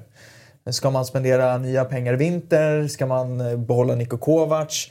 Niko Kovac som anställdes av sin bästa polare Hassan Salhamid, ha, Brasso, ja, som sportchef. Ska han få vara kvar?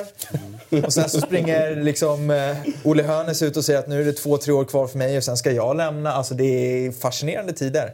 Och till skillnad då från, om man ser vad Chiellini sa i Juventus efter, liksom, så Neuer går ut och säger att ja, men det var ingen straff.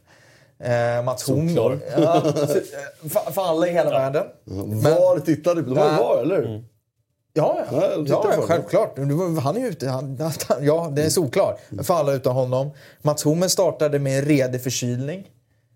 Så att de liksom... Det är jobbigt att ha en redig förkylning. Ha en magförkylning. Alltså, han sa med. själv att han var tveksam till spel, men mm. Kovac hade tagit ut honom ändå, vilket gjorde att det var så här... Okej, när Niklas Süle som ändå är tysk landslagsback på bänken, vad, hur, hur ser det ut? För nu, nu har vi kommit till den fasen att det här järngänget i Bayern som har, som, har makt, Kovac vågar ju inte gå emot dem. Det, det blir en start. Det blir Ribéry och det blir Müller. Det blir sig bra. Jättebra. Han var jättebra. Müller är tillbaka. Alltså det blir Hummels. Det är spelare som lever någonstans. De- har fel tränare för att kunna få ut det mesta av- den liksom, åldern just nu, Mm. känns det som. Det får mig även känsla av när spelares eh, fruar går ut på Instagram och Fast det eh, är hånar dem. tyst, eller? Jag tycker det är kul. Alltså, det Ja, men det, må, det kan vara kul eller tråkigt vad man vill, men det säger ju en del om vad, vad spelarna Mm, pratar om tränaren Absolut. hemma och med varandra. Ja, ja absolut. Ja, men vet du vad, Björn? Jag, jag tror jag har fel där. För det är någonting jag fick lära mig tid av min farsa när, var, när, jag kom hemifrån.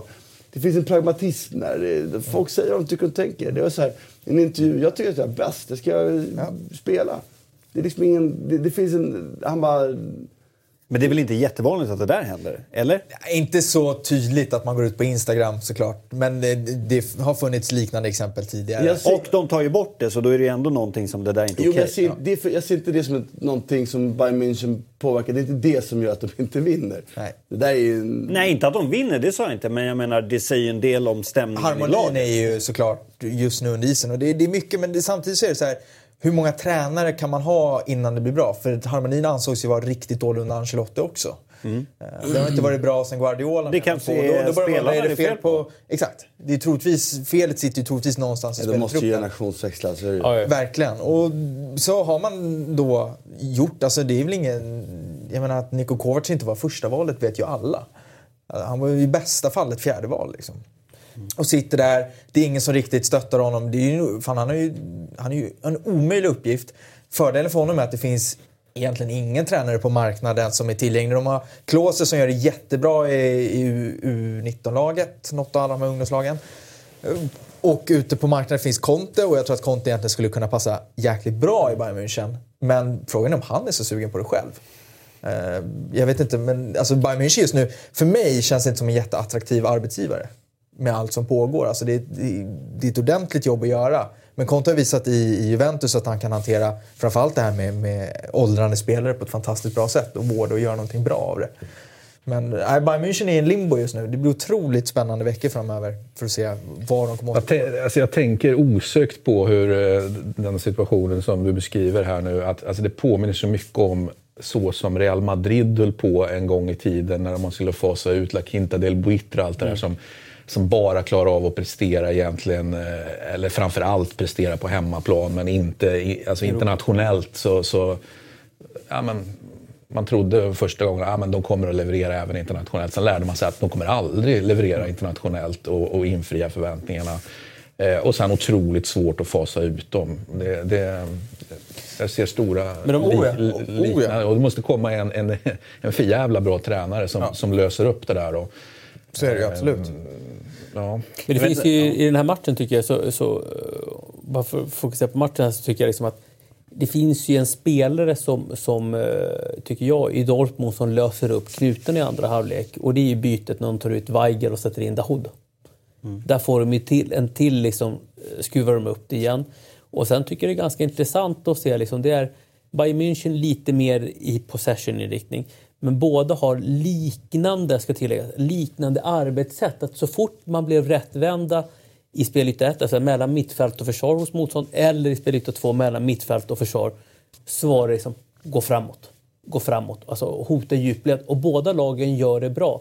Eh, det blir lite mer fart när, när eh, när Dortmund gör det eftersom de per automatik står lite lägre och har lite mer ytor att löpa på. Men eh, hög teknisk nivå var det i den här matchen. Så när de kom in i ytorna och sen direkt liksom explodera, gå in i djupled på löpande spelare. Det är jättemycket bra. Sen, sen tycker jag om man ska prata om Kovac så finns det väl... Problemet är ju Müller. Alltså någonstans, alltså hans position. För att eh, hur, hur, som de spelade igår med, eller förr igår med Xavi Martinez och eh, vad heter den andra mittfältaren? Goretzka. Goretzka. Goretzka var, är ju inte tillräckligt bra för att täcka ytor. Han är mer liksom ska gå och så har de ju Müller som tia. Alltså där hade man ju nästan velat haft eh, James, alltså lite mer kontroll. Chamez har ju försvunnit helt nu ur eh, liksom, laguttagningarna. verkar Ja. ha blivit någon sorts... Någonting verkar ha hänt med tanke på att han inte är med alls. Och han var ju ändå rätt tongivande har man ju varit eh, sedan han kom till Bayern München. Så det är, Under våren i alla fall. Bayern gick ut igår och sa, jag läste på någon tweet där också, att, eh, från, från ledningen att man kommer inte förstärka i, i Nej, januarifönstret troligtvis- utan eh, man kommer vänta till, till sommar och förstärka. Om man inte får en ny tränare skulle jag tro. För då tror jag, men de brukar inte vilja förstärka i januari. Men sen så var det, jag vet jag så det var någon gammal, om det var Matteus eller Dietmar Hamann som sa att liksom, ja, men det, Bayern München gör det här för att de vill ha konkurrensen.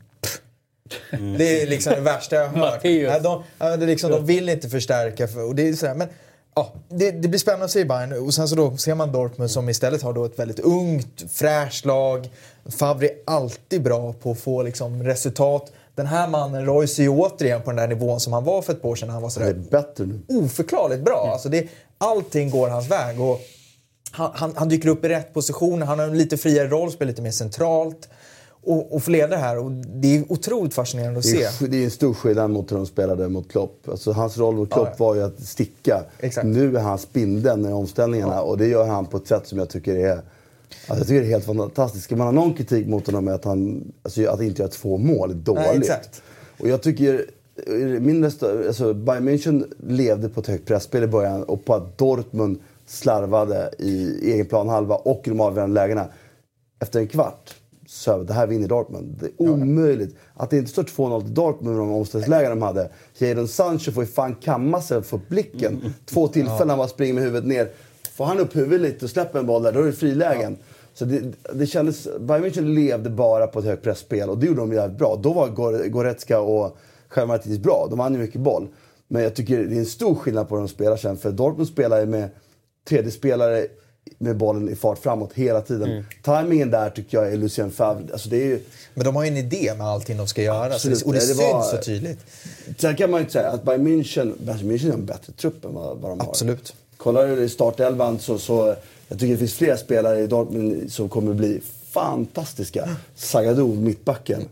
Återigen spelar PSG och vi pratar Lo Celso som de har tappat bort. Liksom. Fan, killen är 18, 19 bast.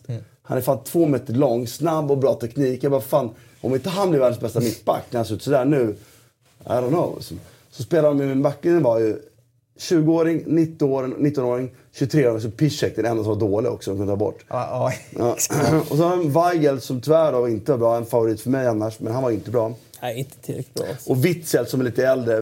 Weigel är väl 23 eller vad? Ja, eh, Witzel är 29. Witzel var i och för sig jävligt bra. Sen Royce som är 29. Sen Sancho som är 18.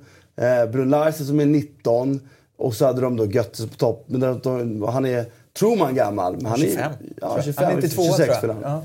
Och Paco hoppar in där. Paco hoppar in. 25. Och Och så på bänken, på bänken har han Pulisic som är 90, 20 eller vad är han? Ja, de har, alltså det här är ju... Det är lika mycket kritik som de ska ha för att de gick bort sig förra stor, storhetseran mot Bayern München. Tappade värden på spelare, förstärkte inte. Så har de därifrån gjort en läxa. De står just nu med en av de mest intressanta trupperna. Och med Absolut. tanke på den kommersiella potential det finns där så... Ja, men det är väldigt många av de här spelarna kommer vi se i stora klubbar i tio år framöver. Så är det ju bara. För de har I ju den storklubben kanske. Om de lyckas spåra dem, absolut. Sancho är nästa miljardspelare. Tycker inte han är... Alltså, Han saknar lite blick som det ser ut nu tycker jag. han är Han är 17-18 jätteintressant. bara. Ja, fast den blicken tycker jag ändå. Men visst, Och då tänk- när han det går som runt är så- Neuer också. För det har vi ju Neuer pratat om det. Ja, men han sprintar förbi Hummels tänker jag på. Ja, ja, ja men. Hummels sprintar måste jag förbi för fan. Baklänges. Men alltså, det som är så trist i allt det här, om man då bortser från dem, det är att det sitter en Alexander Isak där som hade en sån jävla möjlighet. Jo, fast, bara- fast nu pratar vi om att det här är de bästa talangerna i världen. Ja. Ja, fast Alexander Isak kunde ha varit med åtminstone på tåget. Han borde kunna sitta på en bänk innan någonting Paco Alcacer. Liksom. Alltså det finns yta Vadå för en anfallare. Jag tycker att han, alltså möjligheten för honom att åtminstone kunna vara med som liksom tvåa, trea i anfallet. Där framme. Att man inte ska behöva ta upp en Götze som är en offensiv mittfältare. Alltså han, hade han gjort det ordentligt så tror jag att han hade bra. För Favre är en kille Men som det, har, liksom... det kan vi väl konstatera att det har han ju inte gjort. Nej, och det tycker jag är jäkligt synd alltså. Absolut, men samtidigt det är ingen skam att inte vara... Vi pratar så återigen om de bästa talangerna i världen. Okej, Isak var inte där nu. Eller kanske inte kommer dit, men vadå? Alltså, Nej men det säger jag ja. inte, men det är bara att han, han, han har förbrukat en otroligt bra chans. Eh, Den Han har tagit en säsongen. chans och inte räckt till, så gör det på det istället. Ja, så absolut kan Jag tyckte klubbvalet blev bra. så han kommer ju få fler chanser. Ja, ja och att det inte matchar bland de bästa talangerna i världen tycker inte jag är liksom en misslyckande. Det är bara en test som inte höll. Då får man börja om lite lägre liksom. Ja, jag tror att han hade kunnat vara där om han hade tagit det mer på, på allvar och gett sig in i det. Så hade han nog kanske inte spelat den här matchen. Vad vet du som inte jag vet om hur han har skött sig eller. Ryktas på stan.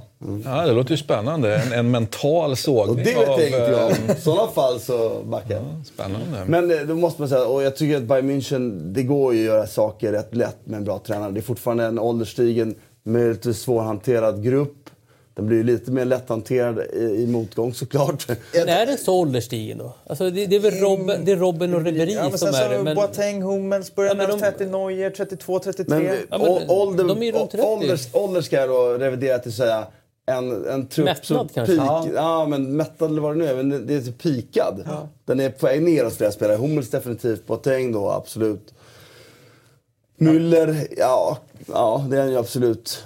Robben eh, vet vi inte, han är skadad nu då. Ribéry var i och för sig typ bäst i dem. Men, men Ja. vad jag menar, att det är ju det är en trupp som är ändå lite, lite generationsväxlingsbehov finns det i alla fall. Exakt, de är många runt energi. 30 så de hade behövt antingen få fylla på underifrån och, och ha en som också kan få de här att lyfta en liksom, nu. För nu, många av dem ska ju egentligen vara som bäst nu. Ja. Tycker jag. Alltså, och det är den enda som eventuellt är det är Lewandowski som fortsatt Ja. Levererar, levererar och ändå, de har ju 3-3. Nu är han ju såklart offside då, men det är, han är ju där och gör Han sin gjorde Gnarby två då, mål eller minns jag fel? Jag kanske inte gjorde. Ihop det. nej, det är nog bara i, i slutet. Så. Johan gjorde väl till första också? Ja, det kan... Någon gjorde väl offside-mål i första? det stämmer. Ja. Ja. Ja. Du, nu undrar jag, hur står det till med eh, prenumerationsräknaren där? Håller du koll på den, Björn? Just Eller? det. Ja, men den, 8, den 9, ö- 38. Ökar stadigt. Den ökar stadigt, ja. Vad, vad sa du att den var på? 8? 9, 38. 8, 9, 38. Mm. Ja, ja. Men det har ökat ganska bra de senaste. Ja, ja, ja, absolut, absolut. Var Men det är fortfarande denna- för lågt. Nej, jag var bara nyfiken på, eftersom jag inte ser den härifrån. Jag ser ju bara baksidan. Va? Du kanske har ett avtal som är kopplat till prenumeranter. Har inte du det? Jag har inte det. En Nej. hundring per prenumerant. Klausulerna, klausulerna. Men det var bra att du nämnde det. För att eh, det ska vi ju faktiskt säga till alla som... Nu, plus en. Nu kommer all möjlig grafik här. Man kan få in väder på den här också. Det är, men det har inget med prenumeration att göra. Eh, det är ju väldigt härligt om man prenumererar... Säg att man bara är intresserad av Eurotalk. Kan man, Vilket är fullt förståeligt. absolut. Oh, ja. Då kan man liksom prenumerera på Eurotalk och så får man ju notiser och så här, nu är det live och nu är programmet ute och nu kommer Eurotalk Weekend och liksom, det är ju perfekt. Eh, så att vi håller lite koll på den, men den ökar. Mm. Så det är en Vi tar ju Eurotalk-räknare. bort den om vi droppar. Liksom. Då kommer vi aldrig Den kommer inte droppa. Nej, det kommer den inte. Den Så kommer- du behöver inte vara orolig. Nej. Vi, eh, apropå nu när vi är inne i Bundesliga. Eh, eh, vi har fått eh, en tweet från en tittare. Det var skönt att man kunde skicka in en fråga. Som heter Tysk fotboll. Ja. Sluta prata Tyskland. Ska jag. Vem är det? Ingen som vet. Eh, Jag vet inte faktiskt. Initierade för alltid. Ja, det är en väldigt anonym profilbild. En fotboll. Eh, ser ut som en bad. Ja, en tysk, pragmatisk... Oh, ja. eh, Eh, ja. Dels eh, hade vi ju det där, men jag vet att vi har fått ett tweet tidigare om Eintracht Frankfurt. Att eh, vill att vi ska prata Eintracht Frankfurt. Så nu ska vi göra det tänkte jag.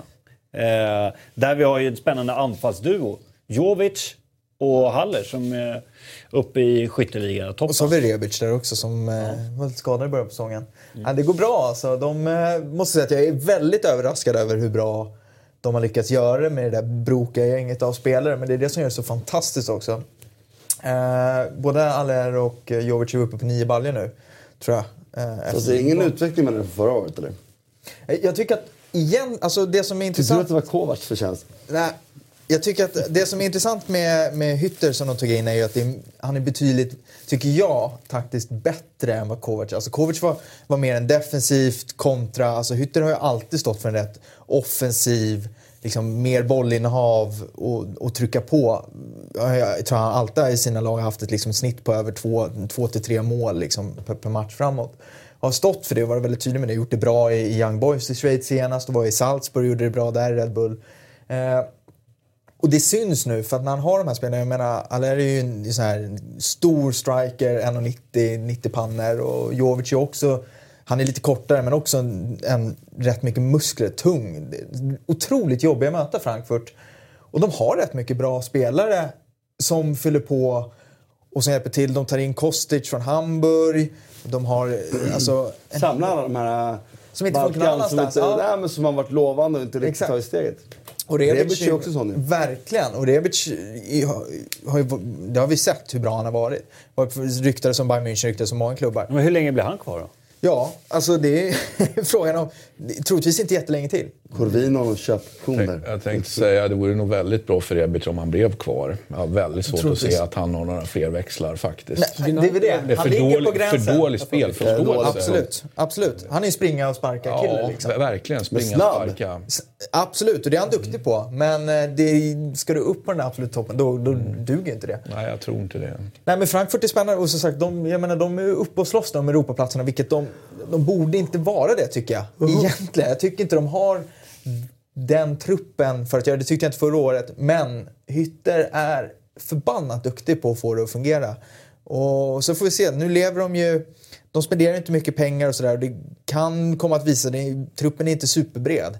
Så börjar det dyka upp lite skador kan det bli jobbigt. Men jag menar, det, de, de slår Schalke med 3-0 rätt lätt. Sen så är ju Schalke just nu bedrövliga på alla sätt och vis.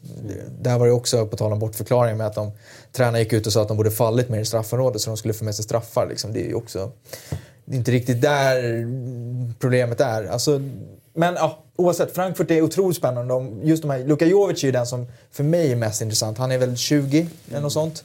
Där finns det enormt mycket potential. Och när han kom så var det ju snack om att det här är ju en, nästan liksom en otroligt intressant anfallare. Så det, det finns absoluta möjligheter att det kan... Vilka är hans främsta styrkor då? Som anfallare. slit, sliter och vrider. Och, och sen, han har det här med axlar tycker jag. Att han vrider och vänder på ett sätt som jag gillar en anfallare. Alltså han är otroligt jobbig att få koll på. Just för att han har det här, han är otroligt liksom, mobil, han rör sig väldigt mycket. Svår att hålla koll på och ha en snabbhet. Och sen, jag menar, han satte ju fem mot Düsseldorf. Han, han har ju avsluten där. Det är väl det han, jag tycker han borde förbättra. Vad har han potential att spela i en större klubb? Jag tänker liksom, klarar han att hantera... Kan han spela som en av två? Kan han spela som Han ska- en av tre centralt på kanten eller liksom mot lägre försvar? Han ska ju skulle helst ha någon bredvid sig. Han ska ju inte vara själv. Nej.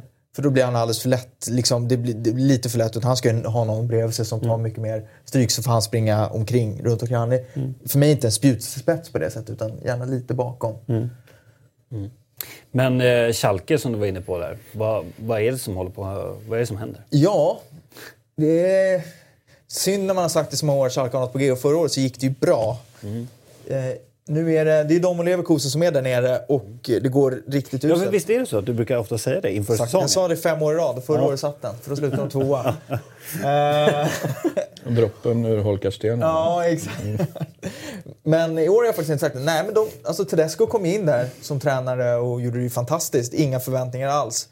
Förlorade de ju Goretzka och Max Mayer och, och har ju inte ersatt egentligen. Har särskilt Majer bra förut? Nej, det var, jag var tvungen att säga honom. Han har inte sett bra ut i I Crystal Palace, nej. Nej, men Goretzka var väl liksom det stora tappet. Så har han inte fått det att fungera. Det, det blir väldigt tydligt tycker jag också när man har en ung orutinerad tränare någonstans. Även om man har en säsong i, i bagaget. Så, så, så den här pondusen och liksom, den finns inte där. Och inte heller den här erfarenheten av att hur, hur ska jag göra det nu när det inte går för oss. För det var inte så att Schalke spelade en bländande fotboll förra året. Utan det var ju det gick ju bra för att väldigt många de, andra dels gick dåligt men också för att de spelade precis på den nivån de klarade att spela. Alltså rätt begränsat men gjorde det otroligt bra utifrån förutsättningarna. Eh, tycks ju fungera i Europa nu men i Tyskland så har, har de blivit för lättlästa. Det, de vet att, jag, jag menar, det, hur många här inne kan säga tre namn ur Schalke startelva på liksom, Åtta uppstuds? mål på elva Ja. matcher. Ja, men de, de, Mittbacken, Salif Sané. ja, Åh herregud. Bland det värsta jag sett alltså. Det var den stora värvningen från Hannover i. Alltså oj, oj, oj. Ja, nej, men han och så har du ju Naldo som har varit lite till och från som har varit sådär. Men, men Att han fortfarande hänger Ja, med. till- 36 bast. Men du, Leverkusen, alltså 24 insläppta. Vad, vad, vad händer där? Är det att? Arangis har varit borta länge? Det måste vara det. You wish alltså. Yes. en av världens bästa mittfältare. Leverkusen lever ju också, men det var de är lite samma position. Alltså Schalke tog in Tedesco från Aue, eh, vilket fungerade bra en säsong. Hanko Herley kom in från, från Regensburg där jag bodde, där jag liksom hade följt honom. Och, gammal spelare, duktig sådär. Men det här att ta nästa steg och etablera och få se en tydlig liksom, idé i spelet. Det finns inte riktigt där. Alltså, Heiko Herrlich hade ju lite den här som Klopp hade, att hans taktik var liksom, den utgick från att motståndaren hade boll. Och när, när du då möter lag nu, när de förväntar sig att Leverkusen kommer till oss för att äga boll, eller Schalke kommer till oss för att äga boll, och du inte riktigt har en idé vad du ska göra, då, når du ju ingenstans. Ja. Och det är, det är väldigt mycket så det ser ut. Det, blir, det, går sakta, det står stilla, det händer ingenting. Mm. Spelarmaterialet finns, men det, för mig är det tränarbrister. Var hamnar Bremen då? Bre Spännande tränare det också. Mm. Nej, Bremen är jätteintressanta. Men nu har de ändå åkt på tre raka, ja. tre raka seger. Men där, det finns ju något också i Bremen att förvänt, där är ju också förväntan är ju inte jättehög numera. Det vet, ja, det vet ju du. Mm. Alltså, men de har ju ett rätt intressant lag. Ja, tycker jag. Och de har spelare som ändå håller väldigt hög nivå när det, när det gäller. Jag menar, Ludvig finns där, men det är Kruse där framme och sådär. De kan, alltså 10. Alltså, att, utan allt, jag trodde aldrig att de skulle vara topp 5. Nej. Men hur går, det, hur går det för Augustinsson? Liksom? Han, jag tycker han gör det bra. Otroligt bra. Han, är, han spelar vänsterback eller vänstervinge? De spelar 3-5-2. 3-5-2, så han springer väldigt mycket på kanten. Mm. Passar honom bättre. Ja. Det fungerar jättebra. Och sen så är han är ju en träningsprodukt på det sättet att han, han anpassar sig och blir bättre och bättre. Frågan är de hur... får en skev bild av svenskar när de har Felix Beijmo och Augustinsson. Två fotbollsrobotar i träning som bara kör Men Beijmo har ju inte lyckats Nej. lika väl. Nej, men han är ju värvad för långsiktare. Där har ju många gått bet på vad tanken Men har han, har han ett steg till i sig då? Martin, du som... Nej, Augustinsson tänker jag på. Ja, alltså, jag har lite svårt att se om han verkligen kan ta ett steg upp på Det är väl snabbheten? Jag har frågat snabbheten. Men vad, vad, vad är nästa steg menar du? Spela i Bayern München? Då, eller? Nej, jag tänker på, på, på en eh, topp 6-klubb i, i, i Spanien, Italien, England. Ja. Alltså det, är han till exempel en Roma-spelare, Inter-spelare? Alltså, Nej, det skulle jag inte säga. Att jag tror att, tror jag, men hur många svenska spelare har varit det genom åren? Det är extremt, extremt, extremt få. Nej, nej men absolut. Det, och det, nej, det, det kan jag inte säga. Det, han har huvudet för det. Mm. Men det finns absolut fysiska brister, snabbhet eller mm. fysik då, som måste kompenseras. Men det ser inte jag som problem. Mer intressant att se vad som händer med Beijmo. Därför att jag har sett honom i BP och Djurgården lite för lite för att göra en jättebra bild. Men det är ganska motstridiga bilder. Jag hör vissa fotbollskunniga säga att det är ett skämt att han gick dit. Han blir aldrig ordinarie där. Till andra som säger mm. att han bara, fan, jo det där är nästa.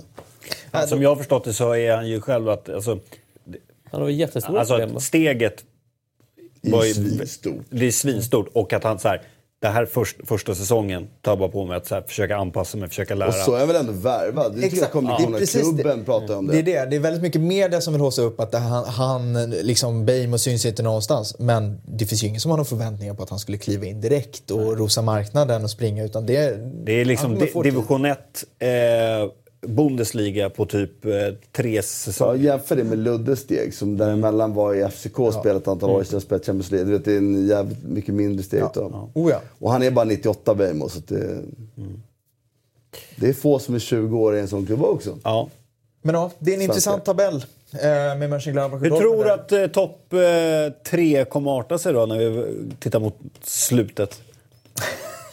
Ska ja, se fram 23 omgångar? Ja. Ja, alltså Dortmund, det, Bayern München har aldrig från den här positionen efter den här tiden vunnit ligan. Och samtidigt så Dortmunds nuvarande poängsnitt skulle betyda att de kommer upp på 83-84 poäng, vilket låter otroligt högt. Mm. Eh, Dortmund kommer vara... Alltså Dortmund och Bayern München borde vara 1-2. Och då tror jag att Dortmund har, med det försprång man har nu, om inte Bayern München gör en stor förändring så kommer Dortmund troligtvis att bryta trenden i, i Tyskland och, och vinna. Sen så tror jag att Leipzig kan bli väldigt, väldigt farliga. Uh, Mönchengladbach är... Det är de fyra ju. Ja. Mönchengladbach är jag lite tveksam till. De är lite upp och ner. Uh, men Rangnick där i Leipzig är otroligt skicklig. Men jag tror att det är en mardröm för till exempel då för Nagelsmann i Hoffenheim att veta att ta över en klubb som eventuellt går och vinner en titel. Alltså det kan bli väldigt höga förväntningar för honom när han kommer in. För det är redan. Men Rangnick går tillbaka till sportchef så här. Ja, vilket är spännande i sig. Man skulle kunna prata länge om hur, hur han ser det fungera. Men eh, det, det, för mig just nu så är det Dortmund, alltså Bayern München är inte med om titeln. De är inte tillräckligt bra. Utan det, det är de topp tre där och Dortmund har ju varit ett snäpp bättre än tvåan och trean. Bayern München har jättelångt till att de ska kunna för mig ta igen sju poäng på, på Dortmund som ser riktigt bra ut och med så rutinerad tränare som Favre så de kommer inte tappa många poäng. Det tror jag inte. Det är frågan, det har ju bara gått 11 matcher. eh, Jag tänker, En tredjedel, det, ja. ja, men det, det är en hel vår som ska spelas. Och, har Dortmund liksom... eh, De peak, pikar de nu? Går de ner sig några matcher? Och liksom, eh, är det viss motsatt kurva för, för Bayern München? Absolut, det kan ju gå snabbt Det, också. Det är trots allt bara, bara sju, sju pinnar. Liksom. Man ska veta att Bayern är sämst på våren. De brukar alltid vara höstmästare och sen så brukar det liksom tona ner. Mm. Ofta för att de kanske kopplar av eller man känner så. Men Ja, de nu har är de inte inget råd- klassiskt vårlag. Nej, de måste steppa upp. Men det som talar för Dortmund lite långsiktigt är att de har ju extremt mycket unga spelare och väldigt unga. Och det behöver ju inte vara positivt alltid. Det finns ju en mental aspekt där, även om jag tycker att den ibland lätt överskattas. Utan det är mer individberoende än vad det är åldersberoende, vill jag påstå. Men det finns också omvänt med unga, unga spelare. Det finns en utveckling, inneboende utveckling som har, men bara men man växer liksom. En hunger, en hunger. Ja, men hunger också. Men bara att du växer fort. Jag menar, den här smärtsamma, varje år man växte så, här, så blev man ju, fast man tränade med samma lag, blev man ju lite, lite, lite bättre. Bara för att man blev lite starkare, lite snabbare. Utan man trä- och så tränar man så blir man ju ännu lite mer. Den kurvan går så står man, då är det mycket svårare att få utveckling. Och de har ju många spelare som rimligtvis borde ha var en bra bit ifrån den utvecklingstoppen, bara att man växer. Så, att, så det finns ju någonting där. Men ju, så som de spelar nu så håller jag med om att jag har svårt att se Bayern München överbrygga det glappet ändå. Fast jag tror att Bayern München, sju poäng är ingenting. Nej. Nej, absolut inte. Det, det, det kan gå väldigt fort. Det bara känns som att Dortmund... Det finns Ja, men det är en skada på Royce som är skadebenägen. Ja, Han betyder jobbigt. så jävla mycket som spelar just Det är nu. Det är möjligt att Favre har en annan, bara plockar in gött och gör samma sak. Pang, det funkar. Ingen aning. Men det ser ut just nu som att Royce är jävligt mycket Ja, men det spännande i viktigare. det lagbygget är ju att de här äldre spelarna, om man ska uttrycka sig så, i Dortmund är fortfarande eh, i en bra ålder. Alltså de är inte liksom plus 30. Jag tänker på Witzel och, och Royce bland annat. Fan vitsen var bra han hade också. De är liksom i, i, i, i en bra, bra fotbollsålder. Det är ju målvaktssidan som är ett aber eventuellt med, med Bürki och sådär men samtidigt... Det, nu var Det är bra sig. jag kan inte. Nej men han är tredje keeper i Schweiz, gjorde det bra i Augsburg med ringen, toppmålvakt. Samtidigt så ser inte heller att det ska vara ett problem. Det är inte så många lag som... Någon det vänsterback kanske de borde flytta över Hakimi. Men de har ju Hakimi också Guerrero kan spela där Ja, just det. De har ju flera duktiga. Piszek Men var ju inte i... heller. Men Piszek var lite överraskande val tyckte jag. Ja. att, men det är väl... Han är förbi liksom. Han är ju Ja, förbi det- sitt Zenit sen så länge så att det liksom känns... Så mötte han bara den bästa på plan liksom, i Ribéry. Ja, som men så- hade ju sitt livs match. Det är någonting jag kan gilla med att han, trots att han är vad är han, 35 nu, att han ska prompt liksom ha en frisyr där det står nummer sju. Liksom. Alltså, det är någonting jag gillar med det. Han vill ju inte växa upp karln. Liksom. Han kommer vilja, han kommer vilja fortsätta i all oändlighet. Och så är han så här bra, då ska han ju ha ett nytt Absolut. kontrakt. Det är ju det, är det som är så roligt. Men ja, Piszek är ju... Men nej. I den här matchen i alla fall. Ja, så blir han Det är inte roligt att se lite hur... um, Toljan har att men vissa, vissa spelare liksom förlänger sin karriär, alltså de blir äldre och äldre. Det, det, det är inte omöjligt att vi får se det här kommande tio åren. Liksom att vissa kommer ha... Ljuset kommer brinna lite längre. Att eh, 35, 36, 37 kanske inte är i hela världen längre. Tänk om Zagadou skulle på. Jag bara tyckte han var så jävla bra. Han kan att han stöter ju fel några gånger det blir hål. Men jag, här, bara tänker ut nu kan inte minnas ett enda fel jag såg honom göra. Och du kan liksom dessutom... Fransmannen? Ja. PSG andra laget Alltså, var han de med. mittbackarna de här, de här fransoserna har. Alltså, det är men Men PSG har ju skeppat mycket folk. Alltså, Ja. Jag menar Coman som nu inte... Som var i Stockholm häromhelgen faktiskt. Inte vet jag riktigt varför, men jag fick en bild av att han hängde här. Eh, Hur skadade han då? Som inte han, var... Han är tillbaka om två veckor sägs det. Och jag menar, där är också en som PSG en gång i tiden skeppade bort. Och kommer han tillbaka till Bayern, alltså, ja. De, PSG har släppt många. Zagadou kom in som vänsterback och var ju fantastisk. Och nu som mittback är han ju bättre. Han har ju allt. Han är Ja, precis men, allt känns det som. Jag har sett honom för lite för idag. Jag såg någon match förra året, tyckte jag inte han var så bra. Nej. Men jag, tänkte, jag minns inte honom som så stor eller. Sen så bara såg man matchen nu och Kanske har klipp. Ja, det kan han ha gjort. och Det är 19. Men såg honom i, i, i klipp liksom och satt och kollade inför den här. Bara, fan, han varit bra alltså. Så kul att se. Och så får se, under matchen var han ju inte... Och så var han så bolltrygg också. Det gillar jag. Härligt att få lite Tysklandssnack, Aron. Ja. Du är alltid välkommen hit. Eh, jättekul att ha dig här. Eh, så även med Marcelo, eh, Martin och Christian. Nu väntar ett landslagsuppehåll. Eurotalk rullar på precis som vanligt, men det väntar ett landslagsuppehåll. Eh, Efter det så ser vi fram emot eh, Tottenham, Chelsea, Atletico de Madrid, Barcelona, Lazio, Milan bland annat. Oh la la. Ja, känn på det. Kanonmatch. Mm, det blir härligt. Men nu är landslagsuppehåll. Men Eurotalk är tillbaka på måndag och Eurotalk Weekend redan nu på torsdag. Och vad står siffran på några sista? 8946. Det är för lite. Det är för lite. Det är för upp, lite. upp, upp och vakna. Ja, Det tack måste för idag. vara någon Hej! jävla incitament.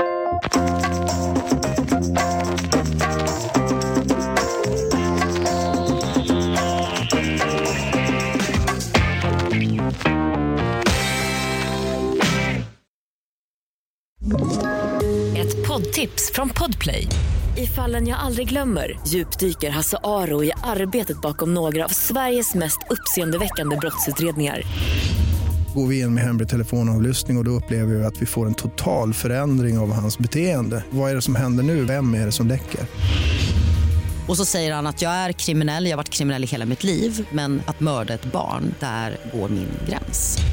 Nya säsongen av Fallen jag aldrig glömmer på Podplay.